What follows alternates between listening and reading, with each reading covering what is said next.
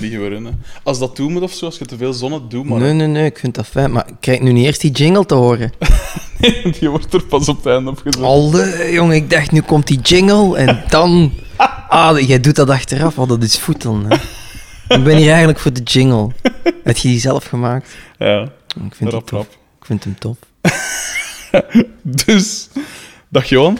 Merci dat je hier eh, tot bij mij zou willen komen op deze overweldigend warme dag. Dat is graag gedaan. Ik zit hier ook heel fijn in de zon. Heel aangenaam. Vooral binnen een dik uur zal dat nog altijd even aangenaam zijn. Ehm, eh, wat ik allereerst wil vragen is, hoe loopt het met de repetities? Want binnenkort speelde je al een reunie-show. Ik heb de eerste repetitie al moeten cancelen. Nee, de repetities lopen heel vlot, ehm, maar voorlopig zonder mij. Ah ja, Eh, drukke agenda's langs alle kanten en Ja. dan ook nog eh, zieke kinderen. En ja. bon, maar ik heb gisteren, gisteren was er een repetitie en, met Dead Before Disco dus. Ja. En ik heb bericht gekregen dat die repetitie heel vlot is verlopen, dat het allemaal super hard zal rocken. Mhm. Ehm morgen Landberger, ja. dus die is nu in ehm, Bali eh, aan het wachten op zijn vliegtuig. Oké, En eh, morgen is die in het land en dan zullen we wel wat meer kunnen repeteren. cool. Je beseft toch dat dat iets is waar ik al maanden naar uitkijk? Ja. Want ik heb u ooit nog gemaild, hè? Dat was Je weet toch dat we dat speciaal voor u doen, hè? Ik dacht al zoiets. nee, ik heb u ooit nog gemaild voor die een tekst van dingen hè, van Jaguar, weet je dat nog? Dat is jaren geleden, pijs ik. Ik kan me niet direct... Want ik ben hem zelfs ondertussen nog kwijt. Ik pijs dat mijn vorige e-mailadres of zo nog was. Oei. Dus... Ik zit in, ik zit in tekstnood. maar Als je wilt, maar we, we zijn dat nummer niet aan het repeteren. dus ik heb, die, ik heb hem ook niet echt direct bij. Maar kan u dat wel terug bezorgen. Ik heb dat nog dat liggen. is, dat is sympathiek. zeg, hoe zijn jij ooit in de tijd begonnen met muziek eigenlijk? Oh. De drang om lawaai te maken. en hoe oud waren we toen? Dat ik toen nog niet eens kon spelen. Nee, ik heb... ehm, mijn vader is heel muzikaal, dus ik ben opgegroeid in een huis met een, met een piano, met een klarinet, met een dwarsfluit, met harmonica. Ehm, dus ik, ik heb altijd, ook al kon ik dat, die instrumenten absoluut niet beheersen, heb ik altijd zoveel mogelijk achter zijn rug die, die- ja, die dingen uit, uit hun dozen gepakt en, en daarop beginnen blazen en proberen daar iets uit te krijgen. Maar ik kan u zeggen, een klarinet, dat is een heel moeilijk instrument. Eh, en zeker als je het niet mocht van je vader, omdat je dan al die rietjes kapot blaast, Ja, doet je dat achter zijn rug en krijg je dus niet die, die een impuls om daar goed in te worden. Ehm, maar ja, die piano, ja, dat konden ze mij niet afpakken, dat stond in de gang. Dus ehm, nee, en, en alles wat dat ooit hol klonk, daar zat ik op te kloppen. Mhm. Ehm, ze hebben mij dan ook op jonge leeftijd op de muziekschool gestoken. Cool. Ehm, ik vond dat heel plezant. Ik heb dat altijd heel fijn gevonden. Ehm, Ook de noten leren en zo? notenleer vond ik... ah, ik, vond, ik vond dat leuk. Ik heb alles aan de muziekschool leuk gevonden. Ja. Wat ik niet zo leuk vond in der tijd was de wachtlijsten op de instrumenten. Wachtlijsten op de instrumenten? Ja, wachtlijsten. Ja, je, je schrijft u in voor een instrument, maar er zijn al heel veel mensen die een instrument hebben gekozen. Ik had mij ingeschreven voor eh, piano en percussie, Ja, maar dat zijn populaire instrumenten. ja. En ik was niet de beste van de klas. En de beste van de klas wordt als Mocht eerste eerst. gekozen. Ehm, dus ja, ik stond daar niet op de eerste plaats. En ik ben toen kerkorgel gaan doen. Echt? Ja, dat, was zo de tussentijdse oplossing. En achteraf bleek dat eigenlijk voor mij ehm, een ideaal instrument om... Je moet u daar niet zo hard... ah ja, je moet u daar eigenlijk wel focussen op het spel. Want die Ja. leerkracht verwachtte dat wel. Eh, alleen ik ben iemand... Ik kan dat niet urenlang op eenzelfde stuk oefenen en Ja. repeteren. Dat, ik, heb dat ook nooit kunnen doen volgens de maat dat hij wilde. En ik deed daar altijd mijn eigen versie. En zeker met een, ja, met een orgel Ja. waar dat ongelooflijk veel registers hebt. Dat is eigenlijk voor mij de, de middeleeuwse versie van een synthesizer. Ja, ja. Je kunt daar ongelooflijk hard op gaan en je kunt daar... Kijk, hier, eh, een gewone piano, het eerste wat ik doe is op die pedalen duwen om te kijken hoe dat die klinkt als die in open staat. En Tuurlijk. Het is voor mij, hoe harder, hoe meer lawaai dat je uit een instrument kunt krijgen, hoe beter voor mij. Dus dat was mijn kerkorgel dan... In het begin had ik zoiets van, damn, tussen al die seuten in de kerk gaan zitten. Maar dat bleek uiteindelijk dan niet waar Als te je zijn. straks niet kunt doen, ik heb er nog een orgel staan. Ja, ik heb, ik heb er ook nog zo eentje gehad. Ik heb ook een tijdje gehad dat heel het huis vol stond met eh, piano's en, en synthesizers, maar ehm, Uh-huh. we hebben plaats moeten maken voor andere dingen. Zeg, en waar was dat dan, die muziekschool? Van- van- Waar zijn jij opgegroeid? Ehm, dat was in eh, Leopoldsburg. Want dat systeem van zo, eh, die, bijna verloting, dat, dat ken ik niet op de muziekschool. Ah, nee. Wel, als als je zei, ik wou piano doen, dan... Ah, nee, bij piano doen? was dat... Want voor het orgel ben ik toen nog ehm, in Koersel. Moest ik dan met mijn fiets altijd naar Koersel. En ik wist dat toen niet liggen. Dat was een bos door en dan kwam ik uit en nog zo'n boerengat dat daar lag. En daar hadden ze dan in het gemeentehuis een, een kerkorgel staan. Cool. Ja, een specie- ik, ik snap nog altijd niet waarom, maar dat was echt een heel klein lokaaltje. Mhm. Maar echt heel klein. Hè. Ik denk misschien drie meter op, op, op drie. En dat hadden ze dan door de twee verdiepingen heen gebouwd. Want ja, daar stond zo een reusachtig geval binnen. Van, van zes, zeven meter hoog. Uh-huh. En, en ja, daar, dat was dan ook alles. Hè. Er was niet meer plaats voor iets anders. En daar moesten wij dan altijd gaan, gaan oefenen. Cool. Oeh, en eh, hoe lang heeft het dan geduurd voordat je eh, piano mocht doen? En percussie? Eh, percussie heb ik nog gedaan. Piano, pff, Ah, is dat echt uiteindelijk... Nee, het piano heb ik niet meer gedaan. Ik vond, vond dat kerkorgel gewoon fantastisch. En hoe lang heb je dat dan gedaan? Ehm, ja, wacht even. Hè. Muziekschool, dat is drie jaar. te- Ik denk dat ik dat drie jaar lessen heb gevolgd, ja. Drie jaar kerkorgel? Ja, ja. Hey, maar ik kan wel mijn voeten en mijn handen combineren nu. hè. Ja, dat is wel. dat is wel... Ik denk dat ik ondertussen al verleerd ben, maar ik kon dat doen. De max. En voor wat leeftijd was dat? Vanaf wanneer tot wanneer? Oh, d- eh, wacht even, aan muziekschool. Ik denk dat ze mij daarin gestopt hebben toen ik iets van een 10, 11 was. Want ik weet dat er toen nog in het eerste jaar een probleem was dat ik zo nog net te jong was. Hmm. Ehm, en dan mocht je nu tweede, derde. Ja. Dan moet ergens rond, rond 11, 12, 13, Ja. 14 jaar zijn geweest, zo die leeftijd. Cool.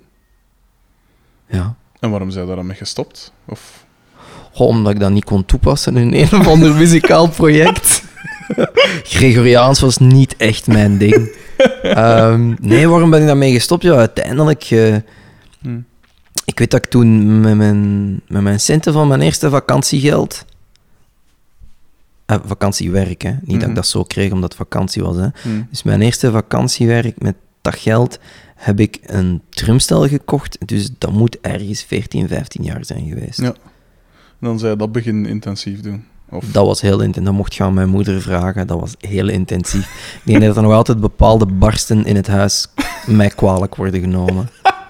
Dat was gewoon naar het school gaan, thuiskomen, de kelder in en, en beginnen spelen. En ik- De max. dat is een instrument dat ik echt wel heel, heel, heel intensief heb bespeeld. En ja. had er talent voor. Dat heb ik niet gezegd, hè. dat is iets anders. Doorzettingsvermogen, dat is ook Dat belangrijk. is belangrijk. Ja. Ehm, nee, maar ja, ik denk wel dat ik dat voor die leeftijd dat ik dat toen heel goed kon. Ehm, wat ik toen zelf nog niet door had, was dat ik eh, ook nog kon zingen. Want allee, de eerste projecten waar dat ik aan heb meege, ja. ps- allee, wat ik in heb meegespeeld, was wel degelijk als drummer. ja. En ehm, omdat er één instrument is dat ik kan combineren met zang, drum, Ja. lukt mij dat, lukte mij dat toen zelfs om eigenlijk deftige backings te doen. Stop met piano en zang, dat, dat krijg ik niet gecombineerd. Hè.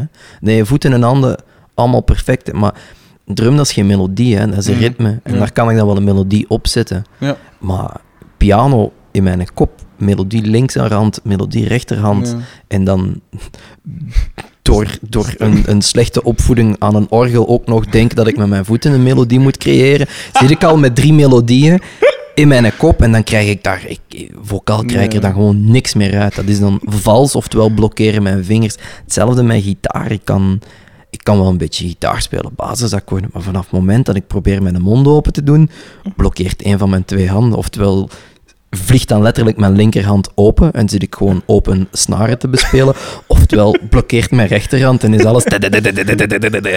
Dus ja, maar drum, dat kon ik combineren. Zeg, je zei dat uw va muzikaal was. Eh, welke muziek stond er dan zoal op in huis? Goh, weinig. Nee, dat is, dat is eigenlijk heel vreemd. Ja. Mijn vader is heel muzikaal, Hm. maar Ik denk dat hij net als, als ik eigenlijk goh, meer geïnteresseerd is in Zo. naar zichzelf luisteren dan naar anderen. Oh, dat klinkt heel fout als ik dat zo zeg. Nee, maar allee, de- me- meer bezig zijn met eigenlijk het, het, het, het genieten van het bespelen van een instrument en het, het, het creëren van geluid. En, en Mm. of dat, dat dan altijd een, een muzikaal stuk is. Nee, gewoon een leuk melodieke en daarin blijven draaien. En, en dat, dat is wat dat mijn vader altijd deed. Ja.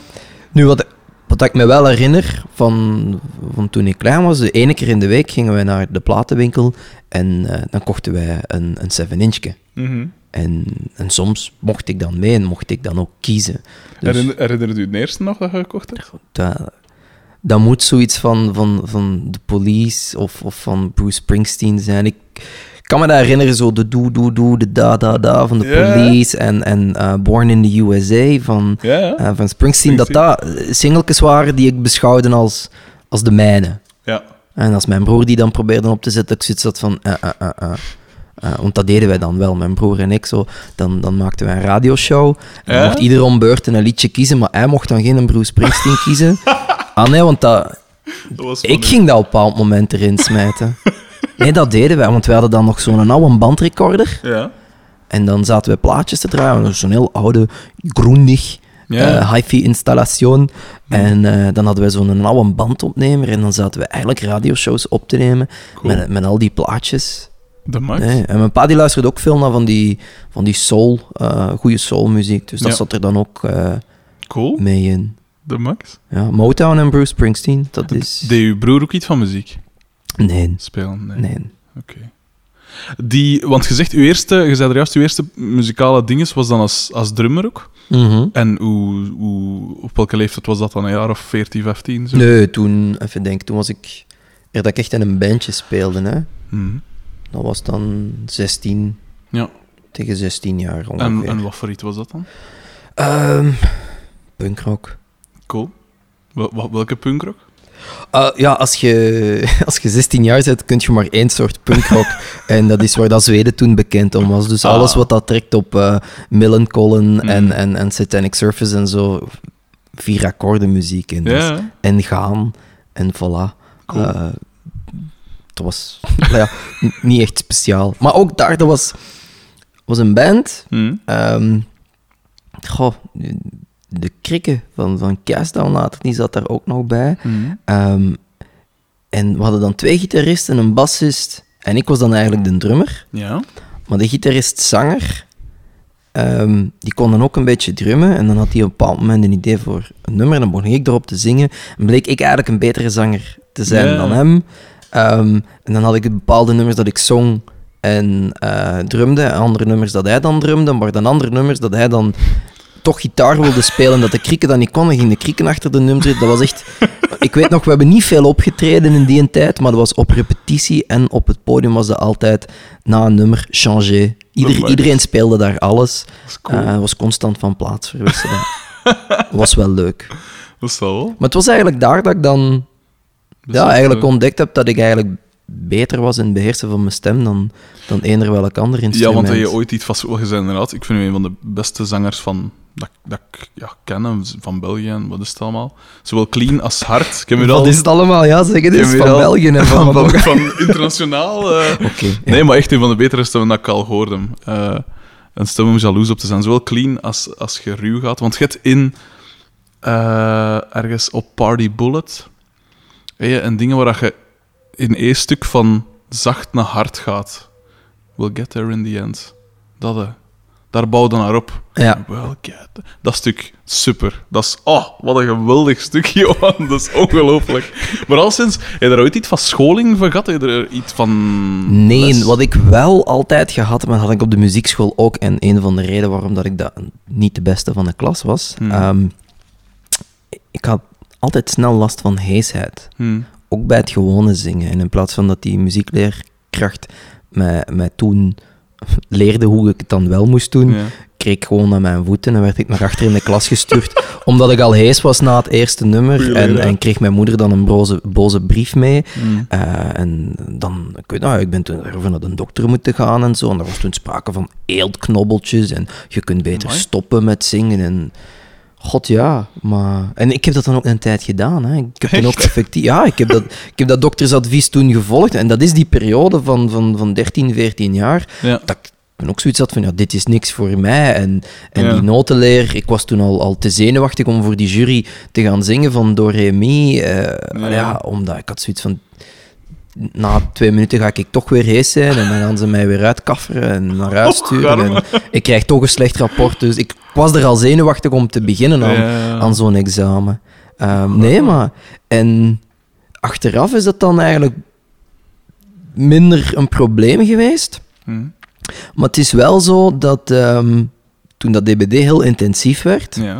ehm, dat dat weer naar voren kwam.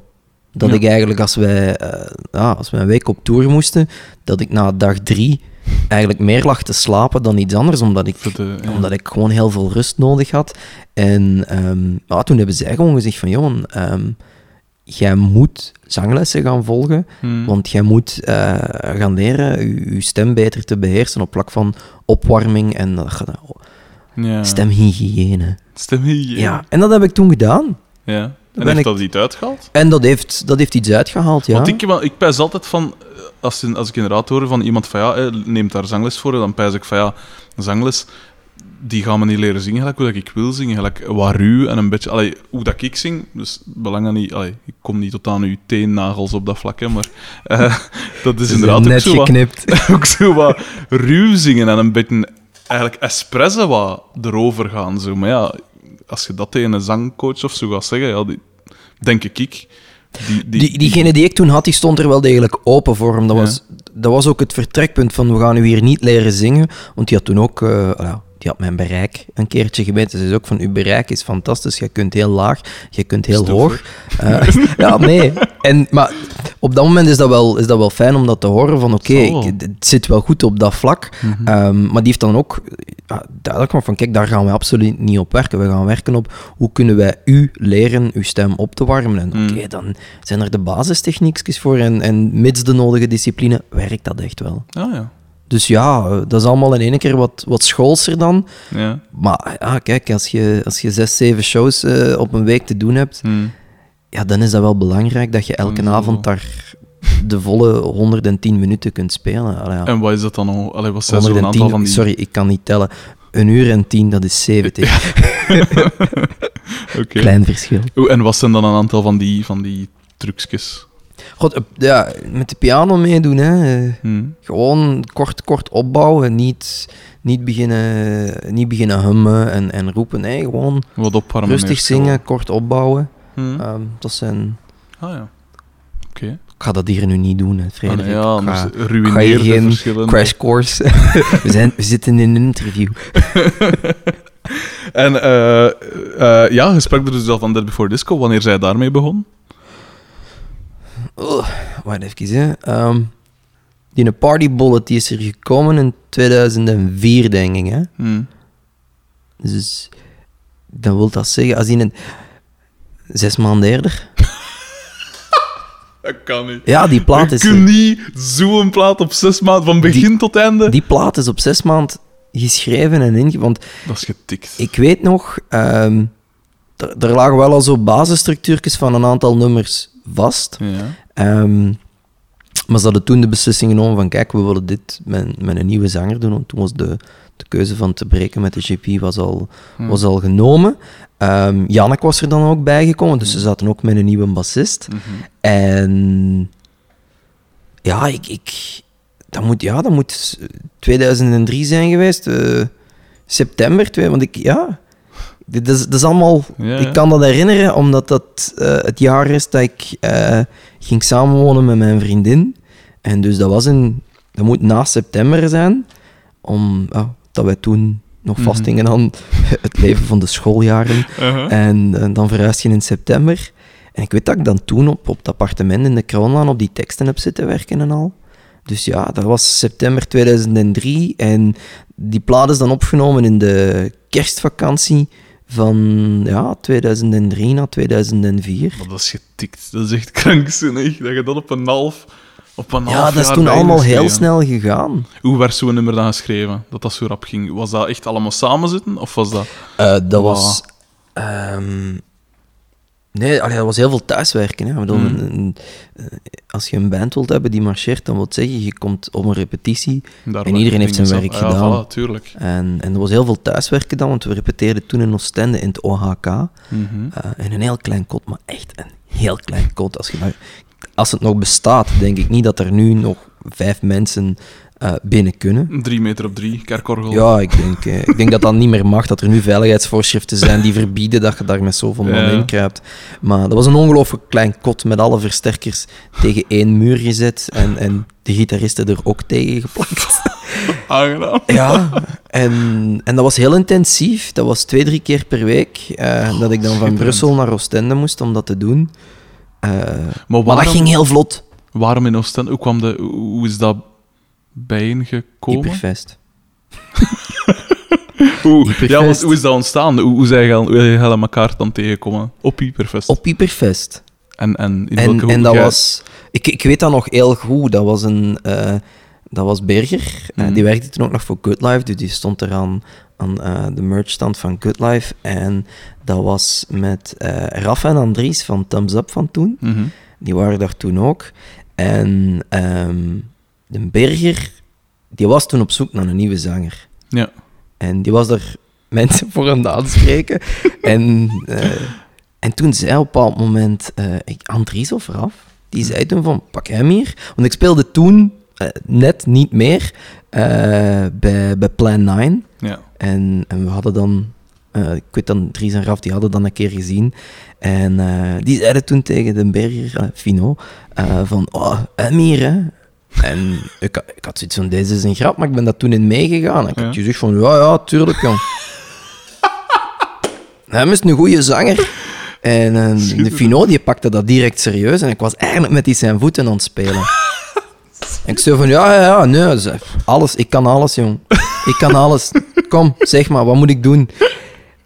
En die nam dat zo serieus dat hij mij toen eigenlijk ehm, de maquettes had opgestuurd. Ja. Van, van wat dat ze wilden doen. En ik kreeg dat toen binnen. Toen had ik zoiets van, wow, fuck man. ja, Dit is super. dat. Dat was echt... Dat, wa- dat was voor mij zo... Ja, dat leek toen een beetje op, op, op Boys It's Fire, die toen ook net eh, begonnen waren. Dat was echt zo, dat was snedig, dat Mm. was snel, dat, allee, dat, dat, dat matchte met mijn, met mijn punkrock roots. Mm. En, en dat, had, dat had goede breakdowns, maar dat was niet zo van die cliché metalcore. Nee, dus ik had echt zoiets van, wow. Ja. En toen ben ik een keer gaan kijken naar een show, want die speelde toen in Brugge, samen met Thumbs Up toen nog, Mm. eh, op een boot. En toen ben ik naar die show gaan kijken. En ja, toen zag ik ook van, ja, die mannen, eigenlijk zijn die wel goed. Redelijk. En ergens was het gênant, want die zanger, eh, GP is achteraf een goede vriend geworden. Hè? Mm. Maar de GP die wist toen eigenlijk niet dat, hem, Oh, ja. dat ik daar stond om Ja, hem te ver... Dus ergens was het een gênant moment waar dat je je dan wel slecht voor voelt, maar in the end, no regrets. Ja, nee, Dus, dat eh, kan ik me wel voorstellen. Voilà. Nee, ja. En zo, is dat, eh, zo ben ik daarbij terechtgekomen. En oké, heel veel heb ik ehm mijn eigen beklaagd. Dat ik, zoiets, eh, dat, dat ik bij een Ostense band ben gaan spelen. Want jongens, ik heb toch afstanden gedaan voor die band. Dat zou wel... Maar ik, ik zou het er toch ook voor over gehad hebben. Maar wat een groep, jongen. Niet...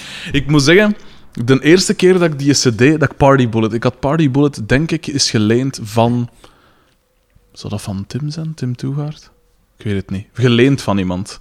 En ik en weet niet meer nog- teruggegeven. Ik- dat zou ook kunnen, dat weet ik zelfs niet meer. Maar ik weet nog dat ik toen... En ik was toen... Wacht, ja, wat, wat jaar moet dat geweest zijn? Dat zal niet lang daarna geweest zijn. Hè? Ja, misschien 2004, 2005 misschien. En ik weet nog die een intro van Escalated. Dat is zo met Hans die een eerste zo, Ja. zo, Hans dingen zo. En ik weet nog dat ik dat de eerste keer Heel veel drugs Ja, zijn daaraan vooraf gegaan. wel. En dat is om drie uur s'nachts ongeveer in elkaar geknutseld. na drie dagen doorzetten is, tijdens de kerstvakantie. Maar ik weet nog dat ik dan luisterde en dan moet ook ongeveer drie uur s'nachts geweest zijn. Mhm. En ik, ik, ik, had, ik kreeg even af schrik ervan. Dat was, ik had er nog nooit gehoord, zoiets. En ik dacht van, what the fuck is dat? En dan komt die, zo, komt die stem er zo plots inge, ingeschoten op een manier. En dat was, ik dacht, what the fuck is dit? En ik was echt... Ik heb een tijd lang die cd niet meer opgezet. Echt, ik meen, dat is gênant, hè? Maar dat was, dat was echt iets super raar. Maar dan... ja, een week daarna of zo dacht ik van, kom ja, als hij iets zo'n effect heeft, dan moet dat wel iets speciaals zijn. Dus heb ik dat weer opgezet en dan is dat echt, ja, constant. Dat zo'n, oh, dat was zo'n goede cd. Dat wil ik gewoon even zeggen. Ehm, maar ik heb je onderbroken naar subiet met dus het, het eh, hoe, hoe, hoe kwam zo'n nummer tot stand bij ons? Was dat één iemand dat, ik zeg maar iets, 80% van een nummer schreef en dan op repetitie dan nog wat afwerken? Of, of hoe zat dat? Nee, maar bij, bij, bij Debbie for Disco merkte je wel... Je had ehm, Fred en Fino, Mhm. de twee gitaristen, en dat waren wel de, de leveranciers van de basisriff. Ja. En je merkt heel goed, ik merk dat nu nog altijd, eh, welk nummer dat van de hand van Fino komt en welk van de hand van Fred. Dus ze hadden alle, allebei wel een eigen identiteit, maar die, Mhm. die speelden al heel lang samen, dus die waren heel goed in het bekritiseren van elkaar en het aanvullen van elkaar. Ja. Dus dat was, allee, zeker in die periode, dat was zo'n zo'n zo'n natuurlijke samenwerking, eh, Ja. omdat die twee al zo lang samen speelden. Die hadden daarvoor al een ander band samengespeeld en... ehm, Wat was dan het verschil tussen Ace die er dan was bijgekomen, dat, dat, dat, was gewoon een heel natuurlijke flow. Ja. Dat de dingen elkaar spontaan goed aanvulden. Mm. En dat er ook, ja, zoals ik net zei, dat er, dat er openlijk kritiek kon eh, gesproken worden, eh, uitgesproken naar elkaar toe. Van kijk, dit, dit past er gewoon niet bij. Ja. En, in, allee, en dat er dan ook direct een, een constructief tegenvoorstel kwam. Ja, ja. Dus, en vandaar, de aanzet kwam wel steeds van één persoon. Mm. ehm, maar die nummers zijn echt, dat zijn echt nummers die zijn samen geschreven. Want ook qua, qua zang ehm, zijn dan de nummers achteraf aangepast aan de zang. Of heeft de zang zich moeten aanpassen aan, aan de gitaar, waar dat ik met een zanglijn kwam. Dat ze zei, nee Johan, die- nee, je haalt heel onze groove weg. Eh, Ja. We zoeken meer iets in die richting. En dat dan eh, de bassist zegt van zoiets. En ja, allee, dus Ja. dat was echt een, een, een heel fijn, een, een, ja, een natuurlijke samenwerking waarin dat die dingen echt spontaan tot stand zijn Hmm. gekomen. Je zei juist, ik hoor, ik hoor heel duidelijk welk nummer dat van wie is.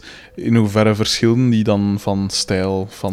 Goh, ehm, de Fino is meer de, de rocker. Ja. Dus als een nummer snel begint, dan is 9 kans op 10 van Fino. en, en Fred is meer de, de gitarist die, die ja, de, de solos en de details eh, levert. Dus als een nummer Cool. zwaar gespekt is met dergelijke dingen, dan komt dat voor een groot deel van Fred. Cool. Maar nogmaals, ze vullen elkaar perfect aan, want als, als Fino afkomt met zo'n typische eh, eh, eh, metal rock and roll riff, dan, ja, dan weet Fred daar zijn ding wel altijd aan toe te voegen. Ja. Ik moet zeggen, ik denk dat ik... Denk, eh, wanneer is eigenlijk gesplit? Er gestopt met dingen? We zijn nooit echt gestopt. Oh ja. maar- Nee, nee, we zijn... Goh, wanneer was dat? Dat moet 2009 ja. zijn geweest. 2008, 2009, denk ik. Egal, eigenlijk... Dus nadat je die Party Bullet gemaakt had... eh heeft dat iets losgemaakt of zoiets? Want ja, ik zat natuurlijk meer aan deze kant en niet in die... Een, ik weet dat er aan de zee... Allee, ik noem dat de zee. West-Vlaanderen eigenlijk gewoon. Dat er daar echt zo'n scene was voor die dingen. Had je dan er echt veel succes in? Was dat iets speciaal? Goh, Werd dat direct erkend als wat dat, dat die, heeft, die plaat heeft heel veel losgemaakt om... En dan moet ik oppassen dat dat niet te... Stoeverig. Ja, niet te stoefrig klinkt, maar die plaat heeft heel veel losgemaakt omdat die ehm, een, een, een, een opnamekwaliteit had die ongekend was op dat moment. Hmm. We hebben daar heel veel reviews voor gekregen, omdat als je die plaat uitstuurde, eh, dat klonk als een zwaar Amerikaanse productie, Ja. terwijl dat, dat eigenlijk gewoon de Ace zijn afstudeerproject was. Dat was de eerste keer dat hij ook... nam. ja, maar ook misschien net daarom dat hij zo goed klonk, Ja. omdat hij daar zoveel tijd in heeft kunnen stoppen om dat allemaal perfect te doen klinken. Ja. Ehm, maar dat heeft, op dat vlak heeft dat, heeft dat heel veel gedaan.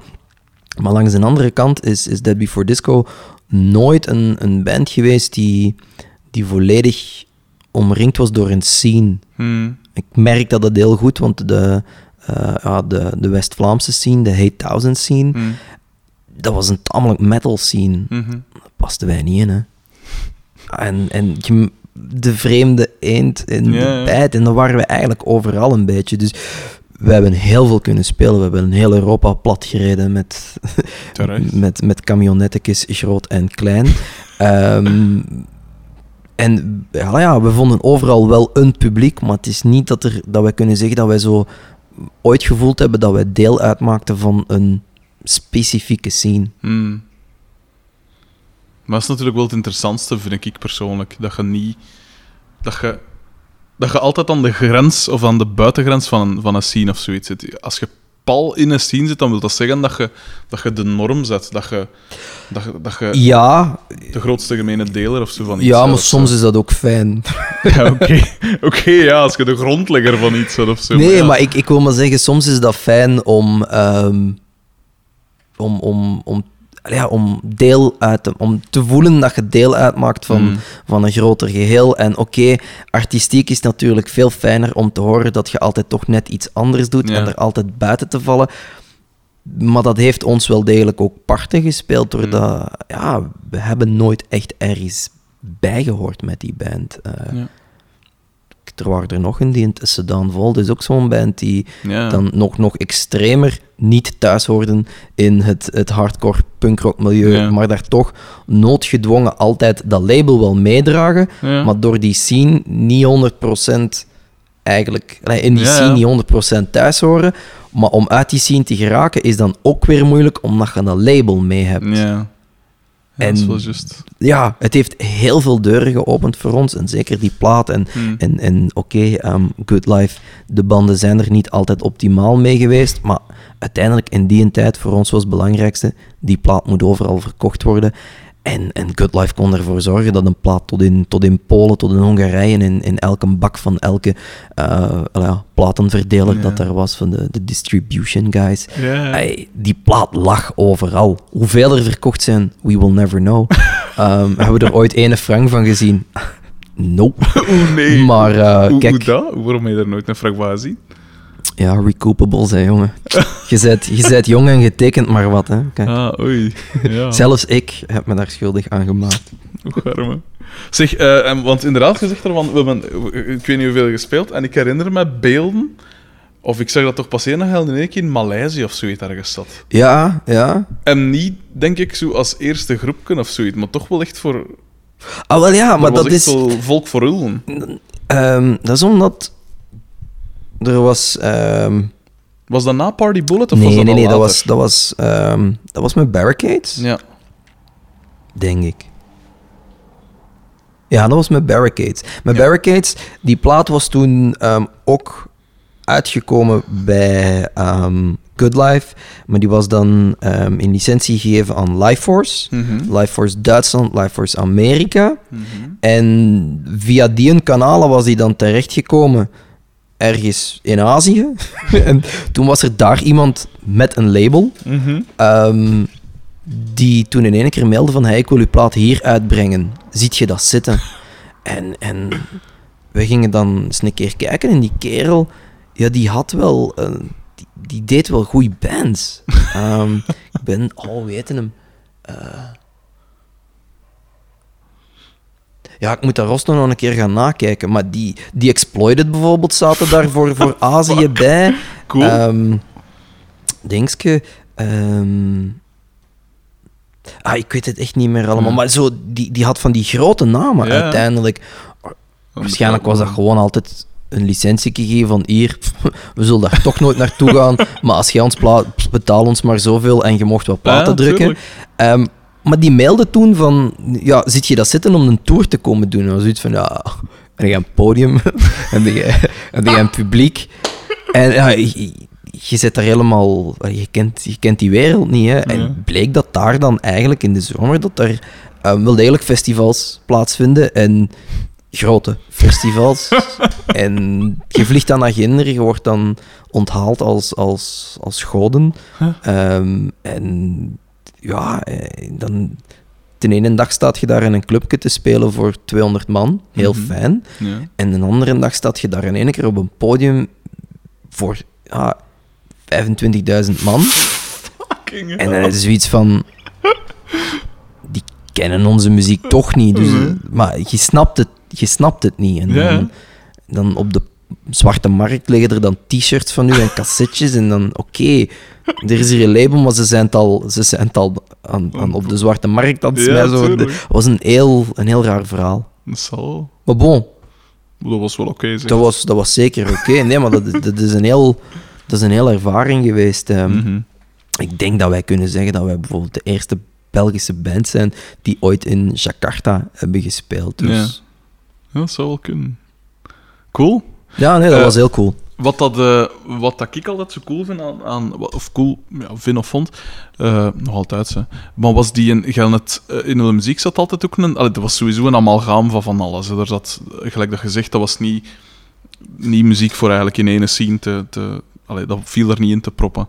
Maar wat ik zo cool vond, was dat er echt een jazz-invloed in zit. Er zitten echt stukken in dat je, zeker ook qua drums en zo, zijn er echt toffe, en ook ja, in de gitaren en zo, er zit een heel, in de bas zit ook zelfs een, ik herinner me toch iets dat redelijk, al ja, alleszins. Ja, een Jannek, heeft een, een heel eh vrij- ja. jazz-beïnvloed spel. Ja, dat klopt. Eh, hoe- Hoe, hoe is dat tot stand gekomen? Was dat gewoon van, hé hey, gasten, als we dan nu een dit insmijten? Of kwam dat natuurlijk? Werd er niet echt over nagedacht? Of? Goh, ik denk...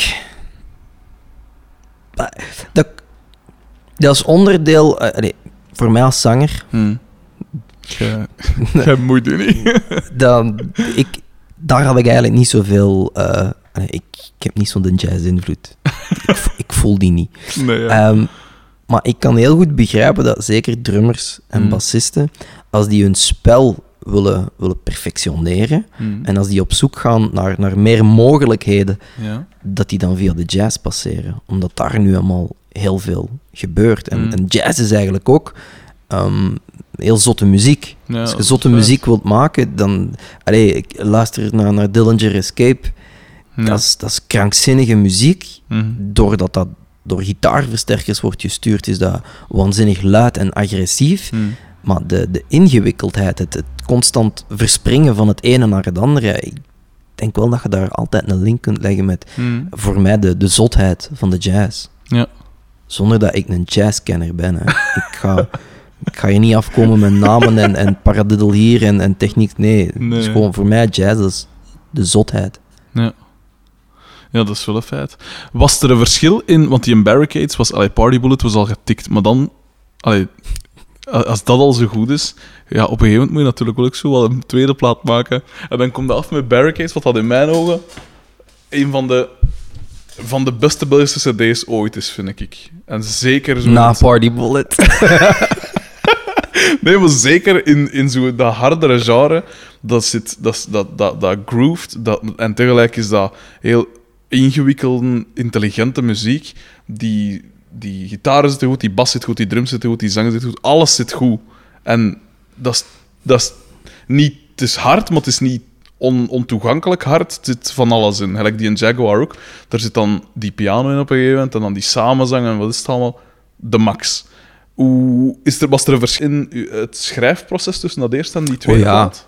Die, die Barricades, die is, die, is, die is veel minder natuurlijk tot stand gekomen. Ook omdat allee, er was toen een, een druk om die plaat snel te maken.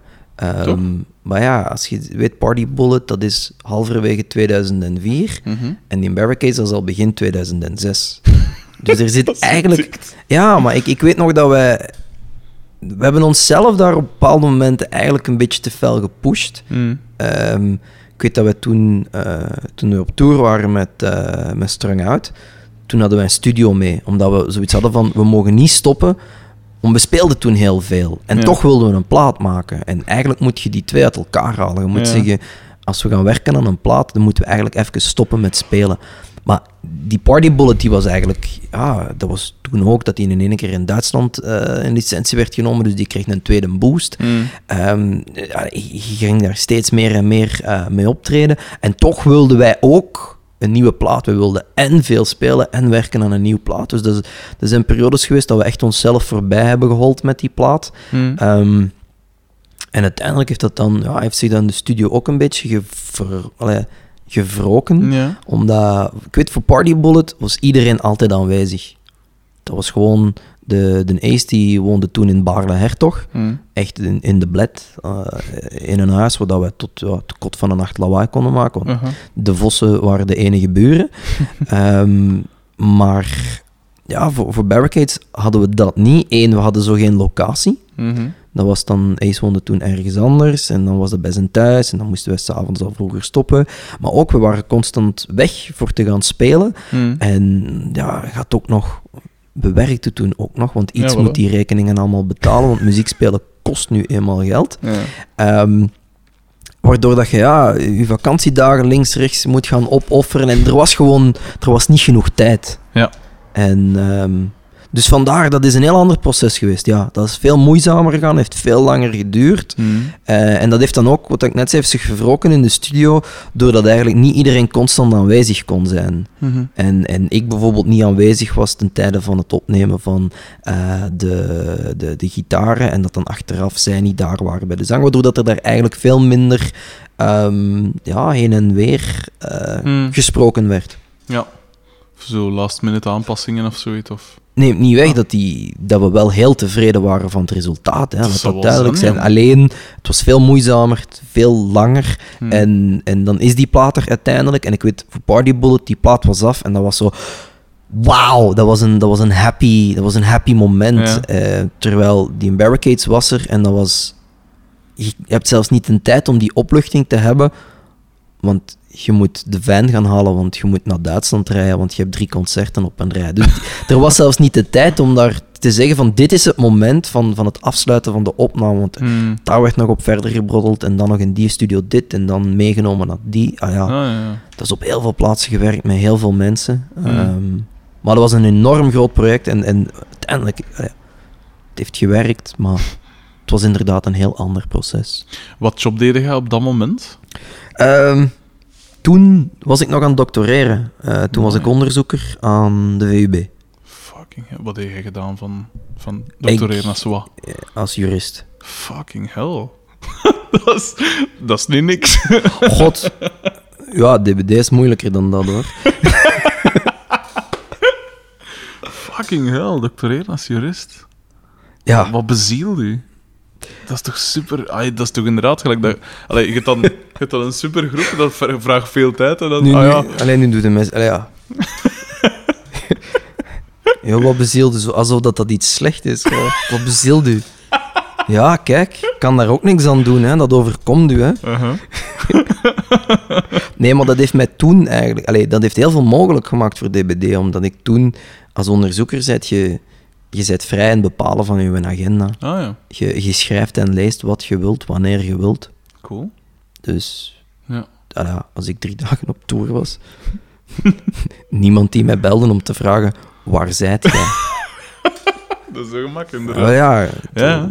je pakt een hoop artikels mee die je moet lezen en Hmm. analyseren en je neemt die mee in de fijn. En terwijl het de ene de, de NMI zit te lezen en de andere de, de aardschok, ja, zat ik dan eh, andere dingen te lezen.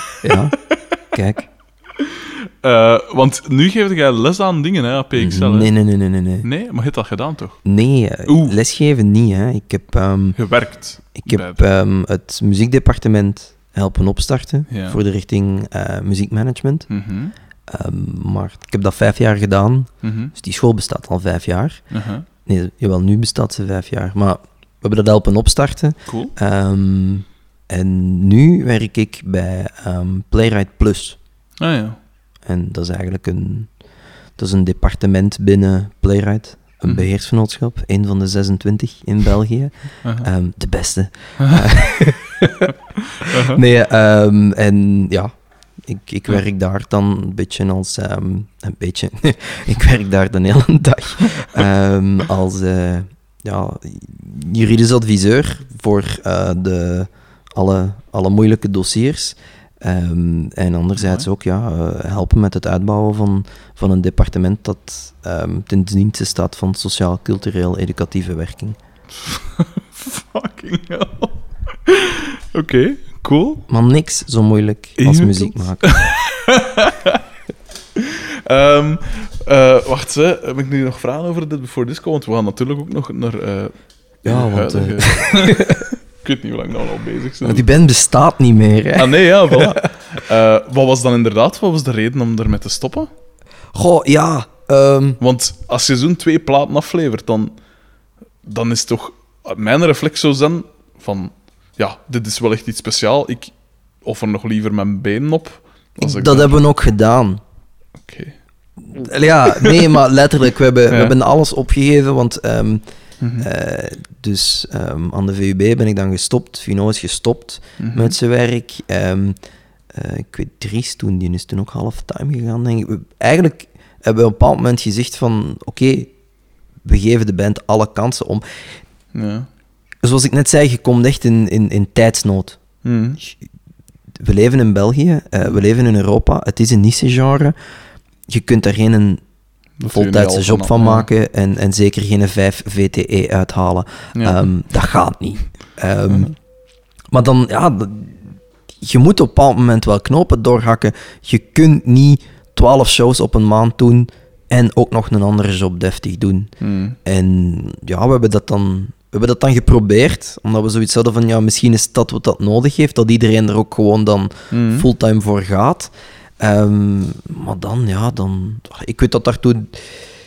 Geld is altijd een issue uiteindelijk, hè. En dat was Mhm. ook een issue. En, en dat was ook samenloop van omstandigheden, denk ik. Ehm, Mhm. De wereld die niet meegaat zoals dat die moet meegaan. Ehm, ja, je, je wilt...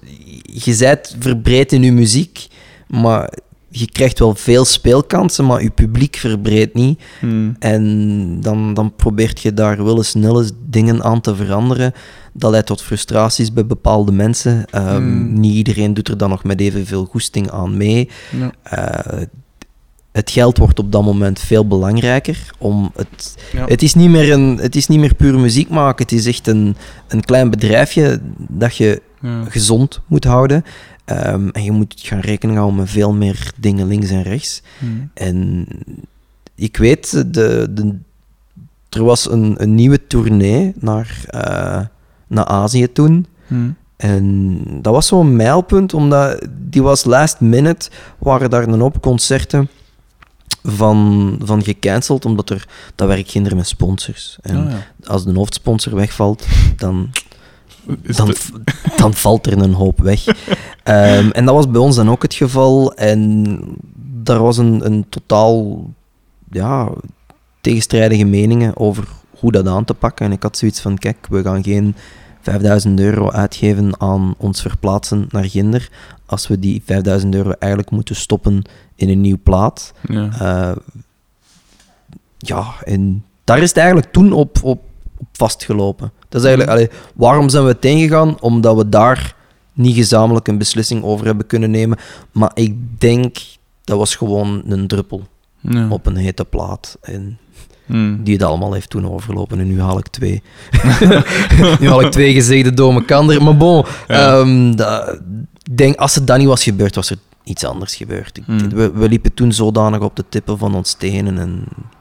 Maar bon. Mhm. Eh, wat dat mij ook interesseert is, uw, is uw teksten. Ehm, hoe, eh, hoe kwamen die tot stand? Hoe, hoe, waar, was dat heel persoonlijke dingen? Was dat meer... Haalde daar referenties allee, bij naar andere dingen, naar boeken, naar films, naar weet ik veel? Was dat eerst tekst, dan muziek? Hoe zat dat allemaal? Het is altijd eerst muziek Ja. en dan tekst. Om, en het is ook altijd eerst melodie in mijn hoofd. Mhm.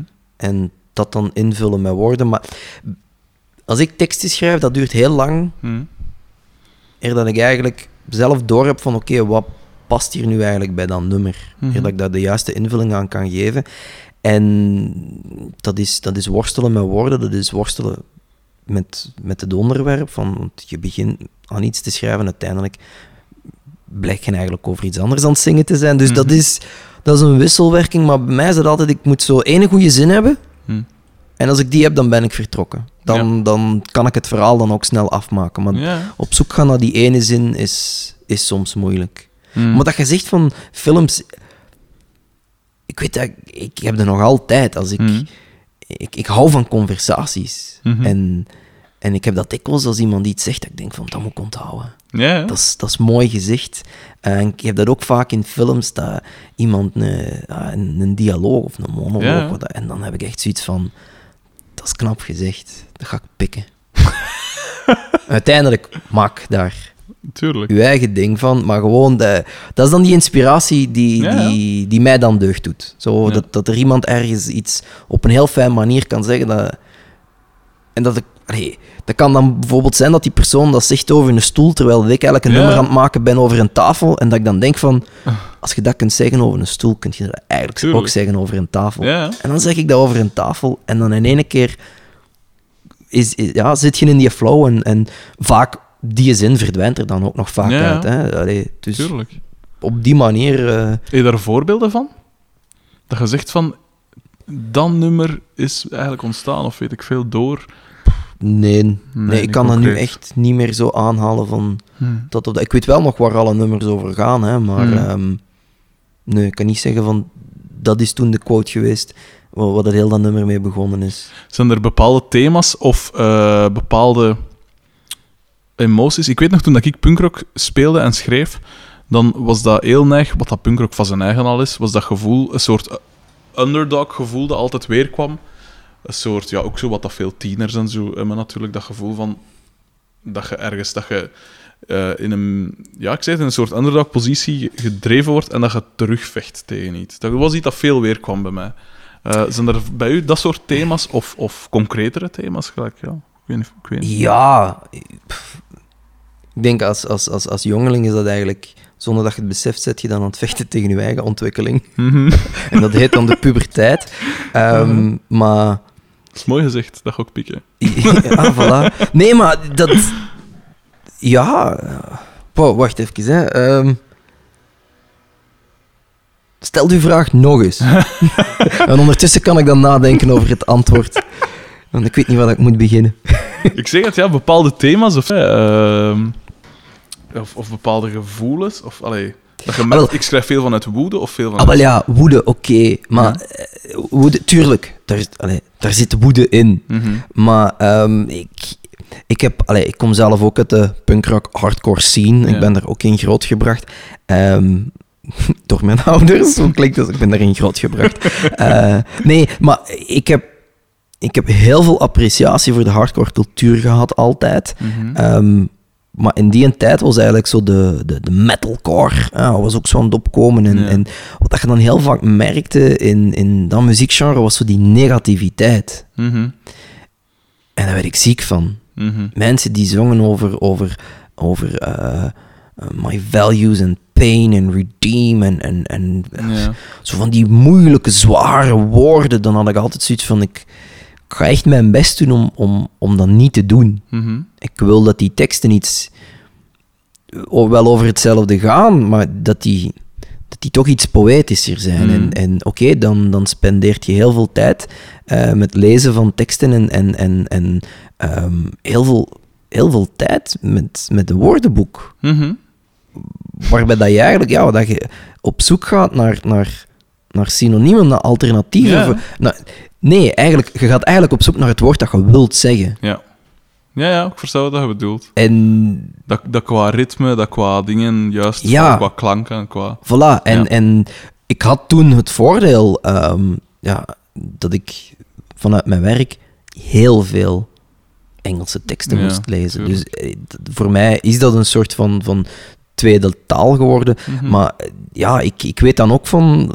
allee, wat dat gezegd, je moet het juiste woord zoeken en, en dat gaat dan ook over het aantal lettergrepen. Dat gaat soms over, het is een woord met een E of een I en Ja. als ik het in die toon moet zingen, dan kan ik dat woord niet gebruiken, maar u daar ook bij neerleggen van, probeer dat woord daar dan niet in te Nee, wringen. Niet te forceren. Ja. En, en ga op zoek naar iets anders. En ik Mhm. daar wel heel veel tijd aan, aan, aan besteed, zeker. Ah, Mhm. nu doe ik dat minder. Hm. Nu, nu probeer ik toch meer eh, nou ja, vanuit, vanuit mijn eigen. eh, dat was altijd vanuit mijn eigen. Maar nu probeer ik minder op zoek te gaan naar die dingen. Nu, Hm. Misschien is het ook omdat ik meer woorden ken ondertussen. Eh, ontegensprekelijk blijft er wel iets van hangen uiteindelijk. Mhm. Hè? Ehm, maar ja, het, die- alle teksten gaan bij mij altijd over ehm, liefde, Mhm. de kloterij die vasthangt aan liefde. Mhm. Want dat is ontegensprekelijk met elkaar eh, verbonden. Ehm, en anderzijds, ja, de, het, het feit dat je constant geconfronteerd wordt met, met ellende. Mhm. En, en dat, mij dat, dat mij dat pakt. Maar ik ben niet degene die zich gaat allee, ik ben geen lid van duizenden één verenigingen. Eh, ik doe niet mee zondags aan, aan eh, eh, het, het, het opstellen van, van, een, van een diner voor vluchtelingen. En, Nee. allee, dat zit niet in mij. Ik ben op dat vlak ik ben helemaal geen geëngageerde mens. Hmm. Ehm, maar ik... Dus, allee, de, De intentie is er. de intentie is er en ik stop die dan ook in muziek. En ook al komt het er dan niet altijd letterlijk uit, Hmm. ehm, het, het zit er wel in. Ja. En Ja. ja, allee, ja. Maar dan altijd- meer een sociologische aanpak van eh, Tuurlijk, het ja. zingen over de wereld. Ja. Die, zijn, die teksten zijn ook niet zo revolutionair in de zin van ik. Want dat is ook zoiets binnen de hardcore. Die teksten waren altijd dwingend. Ja. Het was altijd van: je moet dit doen. Mhm. En, en, en dat was altijd. Die, die spraken altijd precies individuen aan. En. Ik, dat schrikte mij altijd af. Ja. Want ja, ik kom uit de punkrock en, en dat, was dan, dat is eigenlijk veel vriendelijker. ja, die, zing- die zingen over mensen en die beschrijven Ja, dan de situatie. Maar de hardcore, dat was altijd zo effectief ook textueel dat, dat conflict opzoeken. En, en dat paste niet bij mij. Ja. Cool. Moet je trouwens nog wat water hebben, want ik zie dat je glas leeg is. Pak dat van u, hè. Wacht. Ik zal mijn volgende vraag stellen. Jij antwoordt, dus dat ik ondertussen nu een glas water Oké, opvullen. wat een service. Ehm, wat, dat je, dus wat dat je daar nu zegt van, hè, die, die, die, dat, dat vooruitwendige van wat dat je wel voelt, allee, van, van, eh, over de wereld en weet ik veel, was het altijd puur persoonlijk en ging het dan ook echt over eh, specifieke dingen dat je had meegemaakt, of was het, was het breder, was het algemener? Eh, en, of, ik zeg het, en, en was het altijd persoonlijk, of haalde er refereerde naar, gelijk ik heb bijvoorbeeld een nummer waarbij ik naar Freud of zo refereer, of naar, naar Aldous Huxley en zo. Ah nee, refereren naar anderen. Nee, nee op, dat op dat vlak is het wel degelijk ehm, puur persoonlijk. Ehm, ja, als ik, als ik bijvoorbeeld ehm, denk aan wat Etireno, dat eerste nummer van die Barricades. Ehm je, hoort- je leidt dat er misschien niet direct uit af, maar dat is een nummer en dat gaat over eh, kinderarbeid en kinderslavernij. Oh, mooi. Cool. Maar, kijk, ja. Dat pakt mij. Ik, nee, maar ik, ik, dat, dat zijn van die zaken. Ik, ik, ik walg van de menselijkheid. Eh, Mhm. ik, ik, ik snap nog altijd niet dat deze wereld zodanig op, op zodanige kloterige wijze in elkaar steekt. Ik, dit is gewoon Mm. op dagdagelijkse basis dat ik zoiets heb van Mhm. Waar scheelt het dan? Ik bedoel, is, is dit gewoon onze natuur en moeten we ons daarbij neerleggen? Of, of kan Hmm. dit ooit opgelost worden? Ik bedoel, wie moeten we allemaal liquideren opdat er alleen normale mensen overblijven? Of, of zijn wij net de niet-normale mens doordat wij ons daggedrag aantrekken? Ja. Ik bedoel, moeten wij ons gewoon erbij neerleggen dat, dat dat de mens is, dat wij elkaar gewoon kwaad aandoen en, Ja. en dat dat in ons zit? En leer ermee leven. Ja? Maar ik kan dat nog altijd niet. Ik kan dat niet aanvaarden. En, en vanuit dat gevoel Mhm. ja, komen wel al mijn teksten. Veel van, veel van mijn teksten komen vanuit dat gevoel van ik kan dat niet aanvaarden. Mhm. Ik ga dat niet... Ja, nog, ik ga dat... Barricades, hè. Nee, wij staan niet op de barricades, maar ze zijn er wel. Ja, ja. We, we staan hier wel, we staan hier wel te roepen, we hebben die boodschap, maar sorry dat we ons niet vastketenen en... en Ja, ja, tuurlijk. Ja, ja. Cool. Cool, dat is, eh, dat is herkenbaar alles wat hij daar zegt. Zo van die, eh, die, wat hij zegt over de mensheid en allee, al die dingen. Van waar komt eigenlijk de groepsnaam? Dat is nu iets volledig anders. Dead maar- Before Disco. Ja. Die vraag moet je niet aan mij stellen. Oké. ah nee, ja, maar Die, die hadden ze al toen ik erbij kwam. Ah, en dat was een van de redenen waarom dat ik zei van... eh supercoole naam. Dat, eh, zeker. Ja, supercoole naam. En dat was een, het was, het was een van de, de aspecten die mij, die mij mee tot in Oostende heeft gebracht. Oké, cool. Is er nu een verschil? Want je bent nu bezig met iets nieuws. Allee, iets nieuws is er al een tijdje mee bezig, pijs ik, hè? Is dat niet al Ja, we zijn al een tijdje aan het proberen daar iets nieuws van te maken. En nu is het ons eindelijk gelukt van er Ja. iets nieuws van te maken. Mhm. Electric, no- Electric Noise Machine, sorry. Eh, je hebt mij een tijd geleden al iets laten horen en ik was van mensen... Allee, ik, ik had een tijd geleden, toen, dat zo nog, de, de, toen dat nog, de kleur nog zwart-blauw eerder waren, Mhm. ehm, had hij mij al wat dingen laten horen, dat vond ik al de max. Maar nu, een paar maanden terug, had hij mij al wat dingen laten horen van deze plaat, hè. Ja. En ik was van mijn sokken geblazen. Ik zei direct ook tegen Sarah van... check dat met mijn lief. Sarah is zijn vriendin. Die, die ligt hier naast ons in de zetel voor de mensen die naar deze podcast aan het luisteren zijn en zich de vraag stellen. Voilà.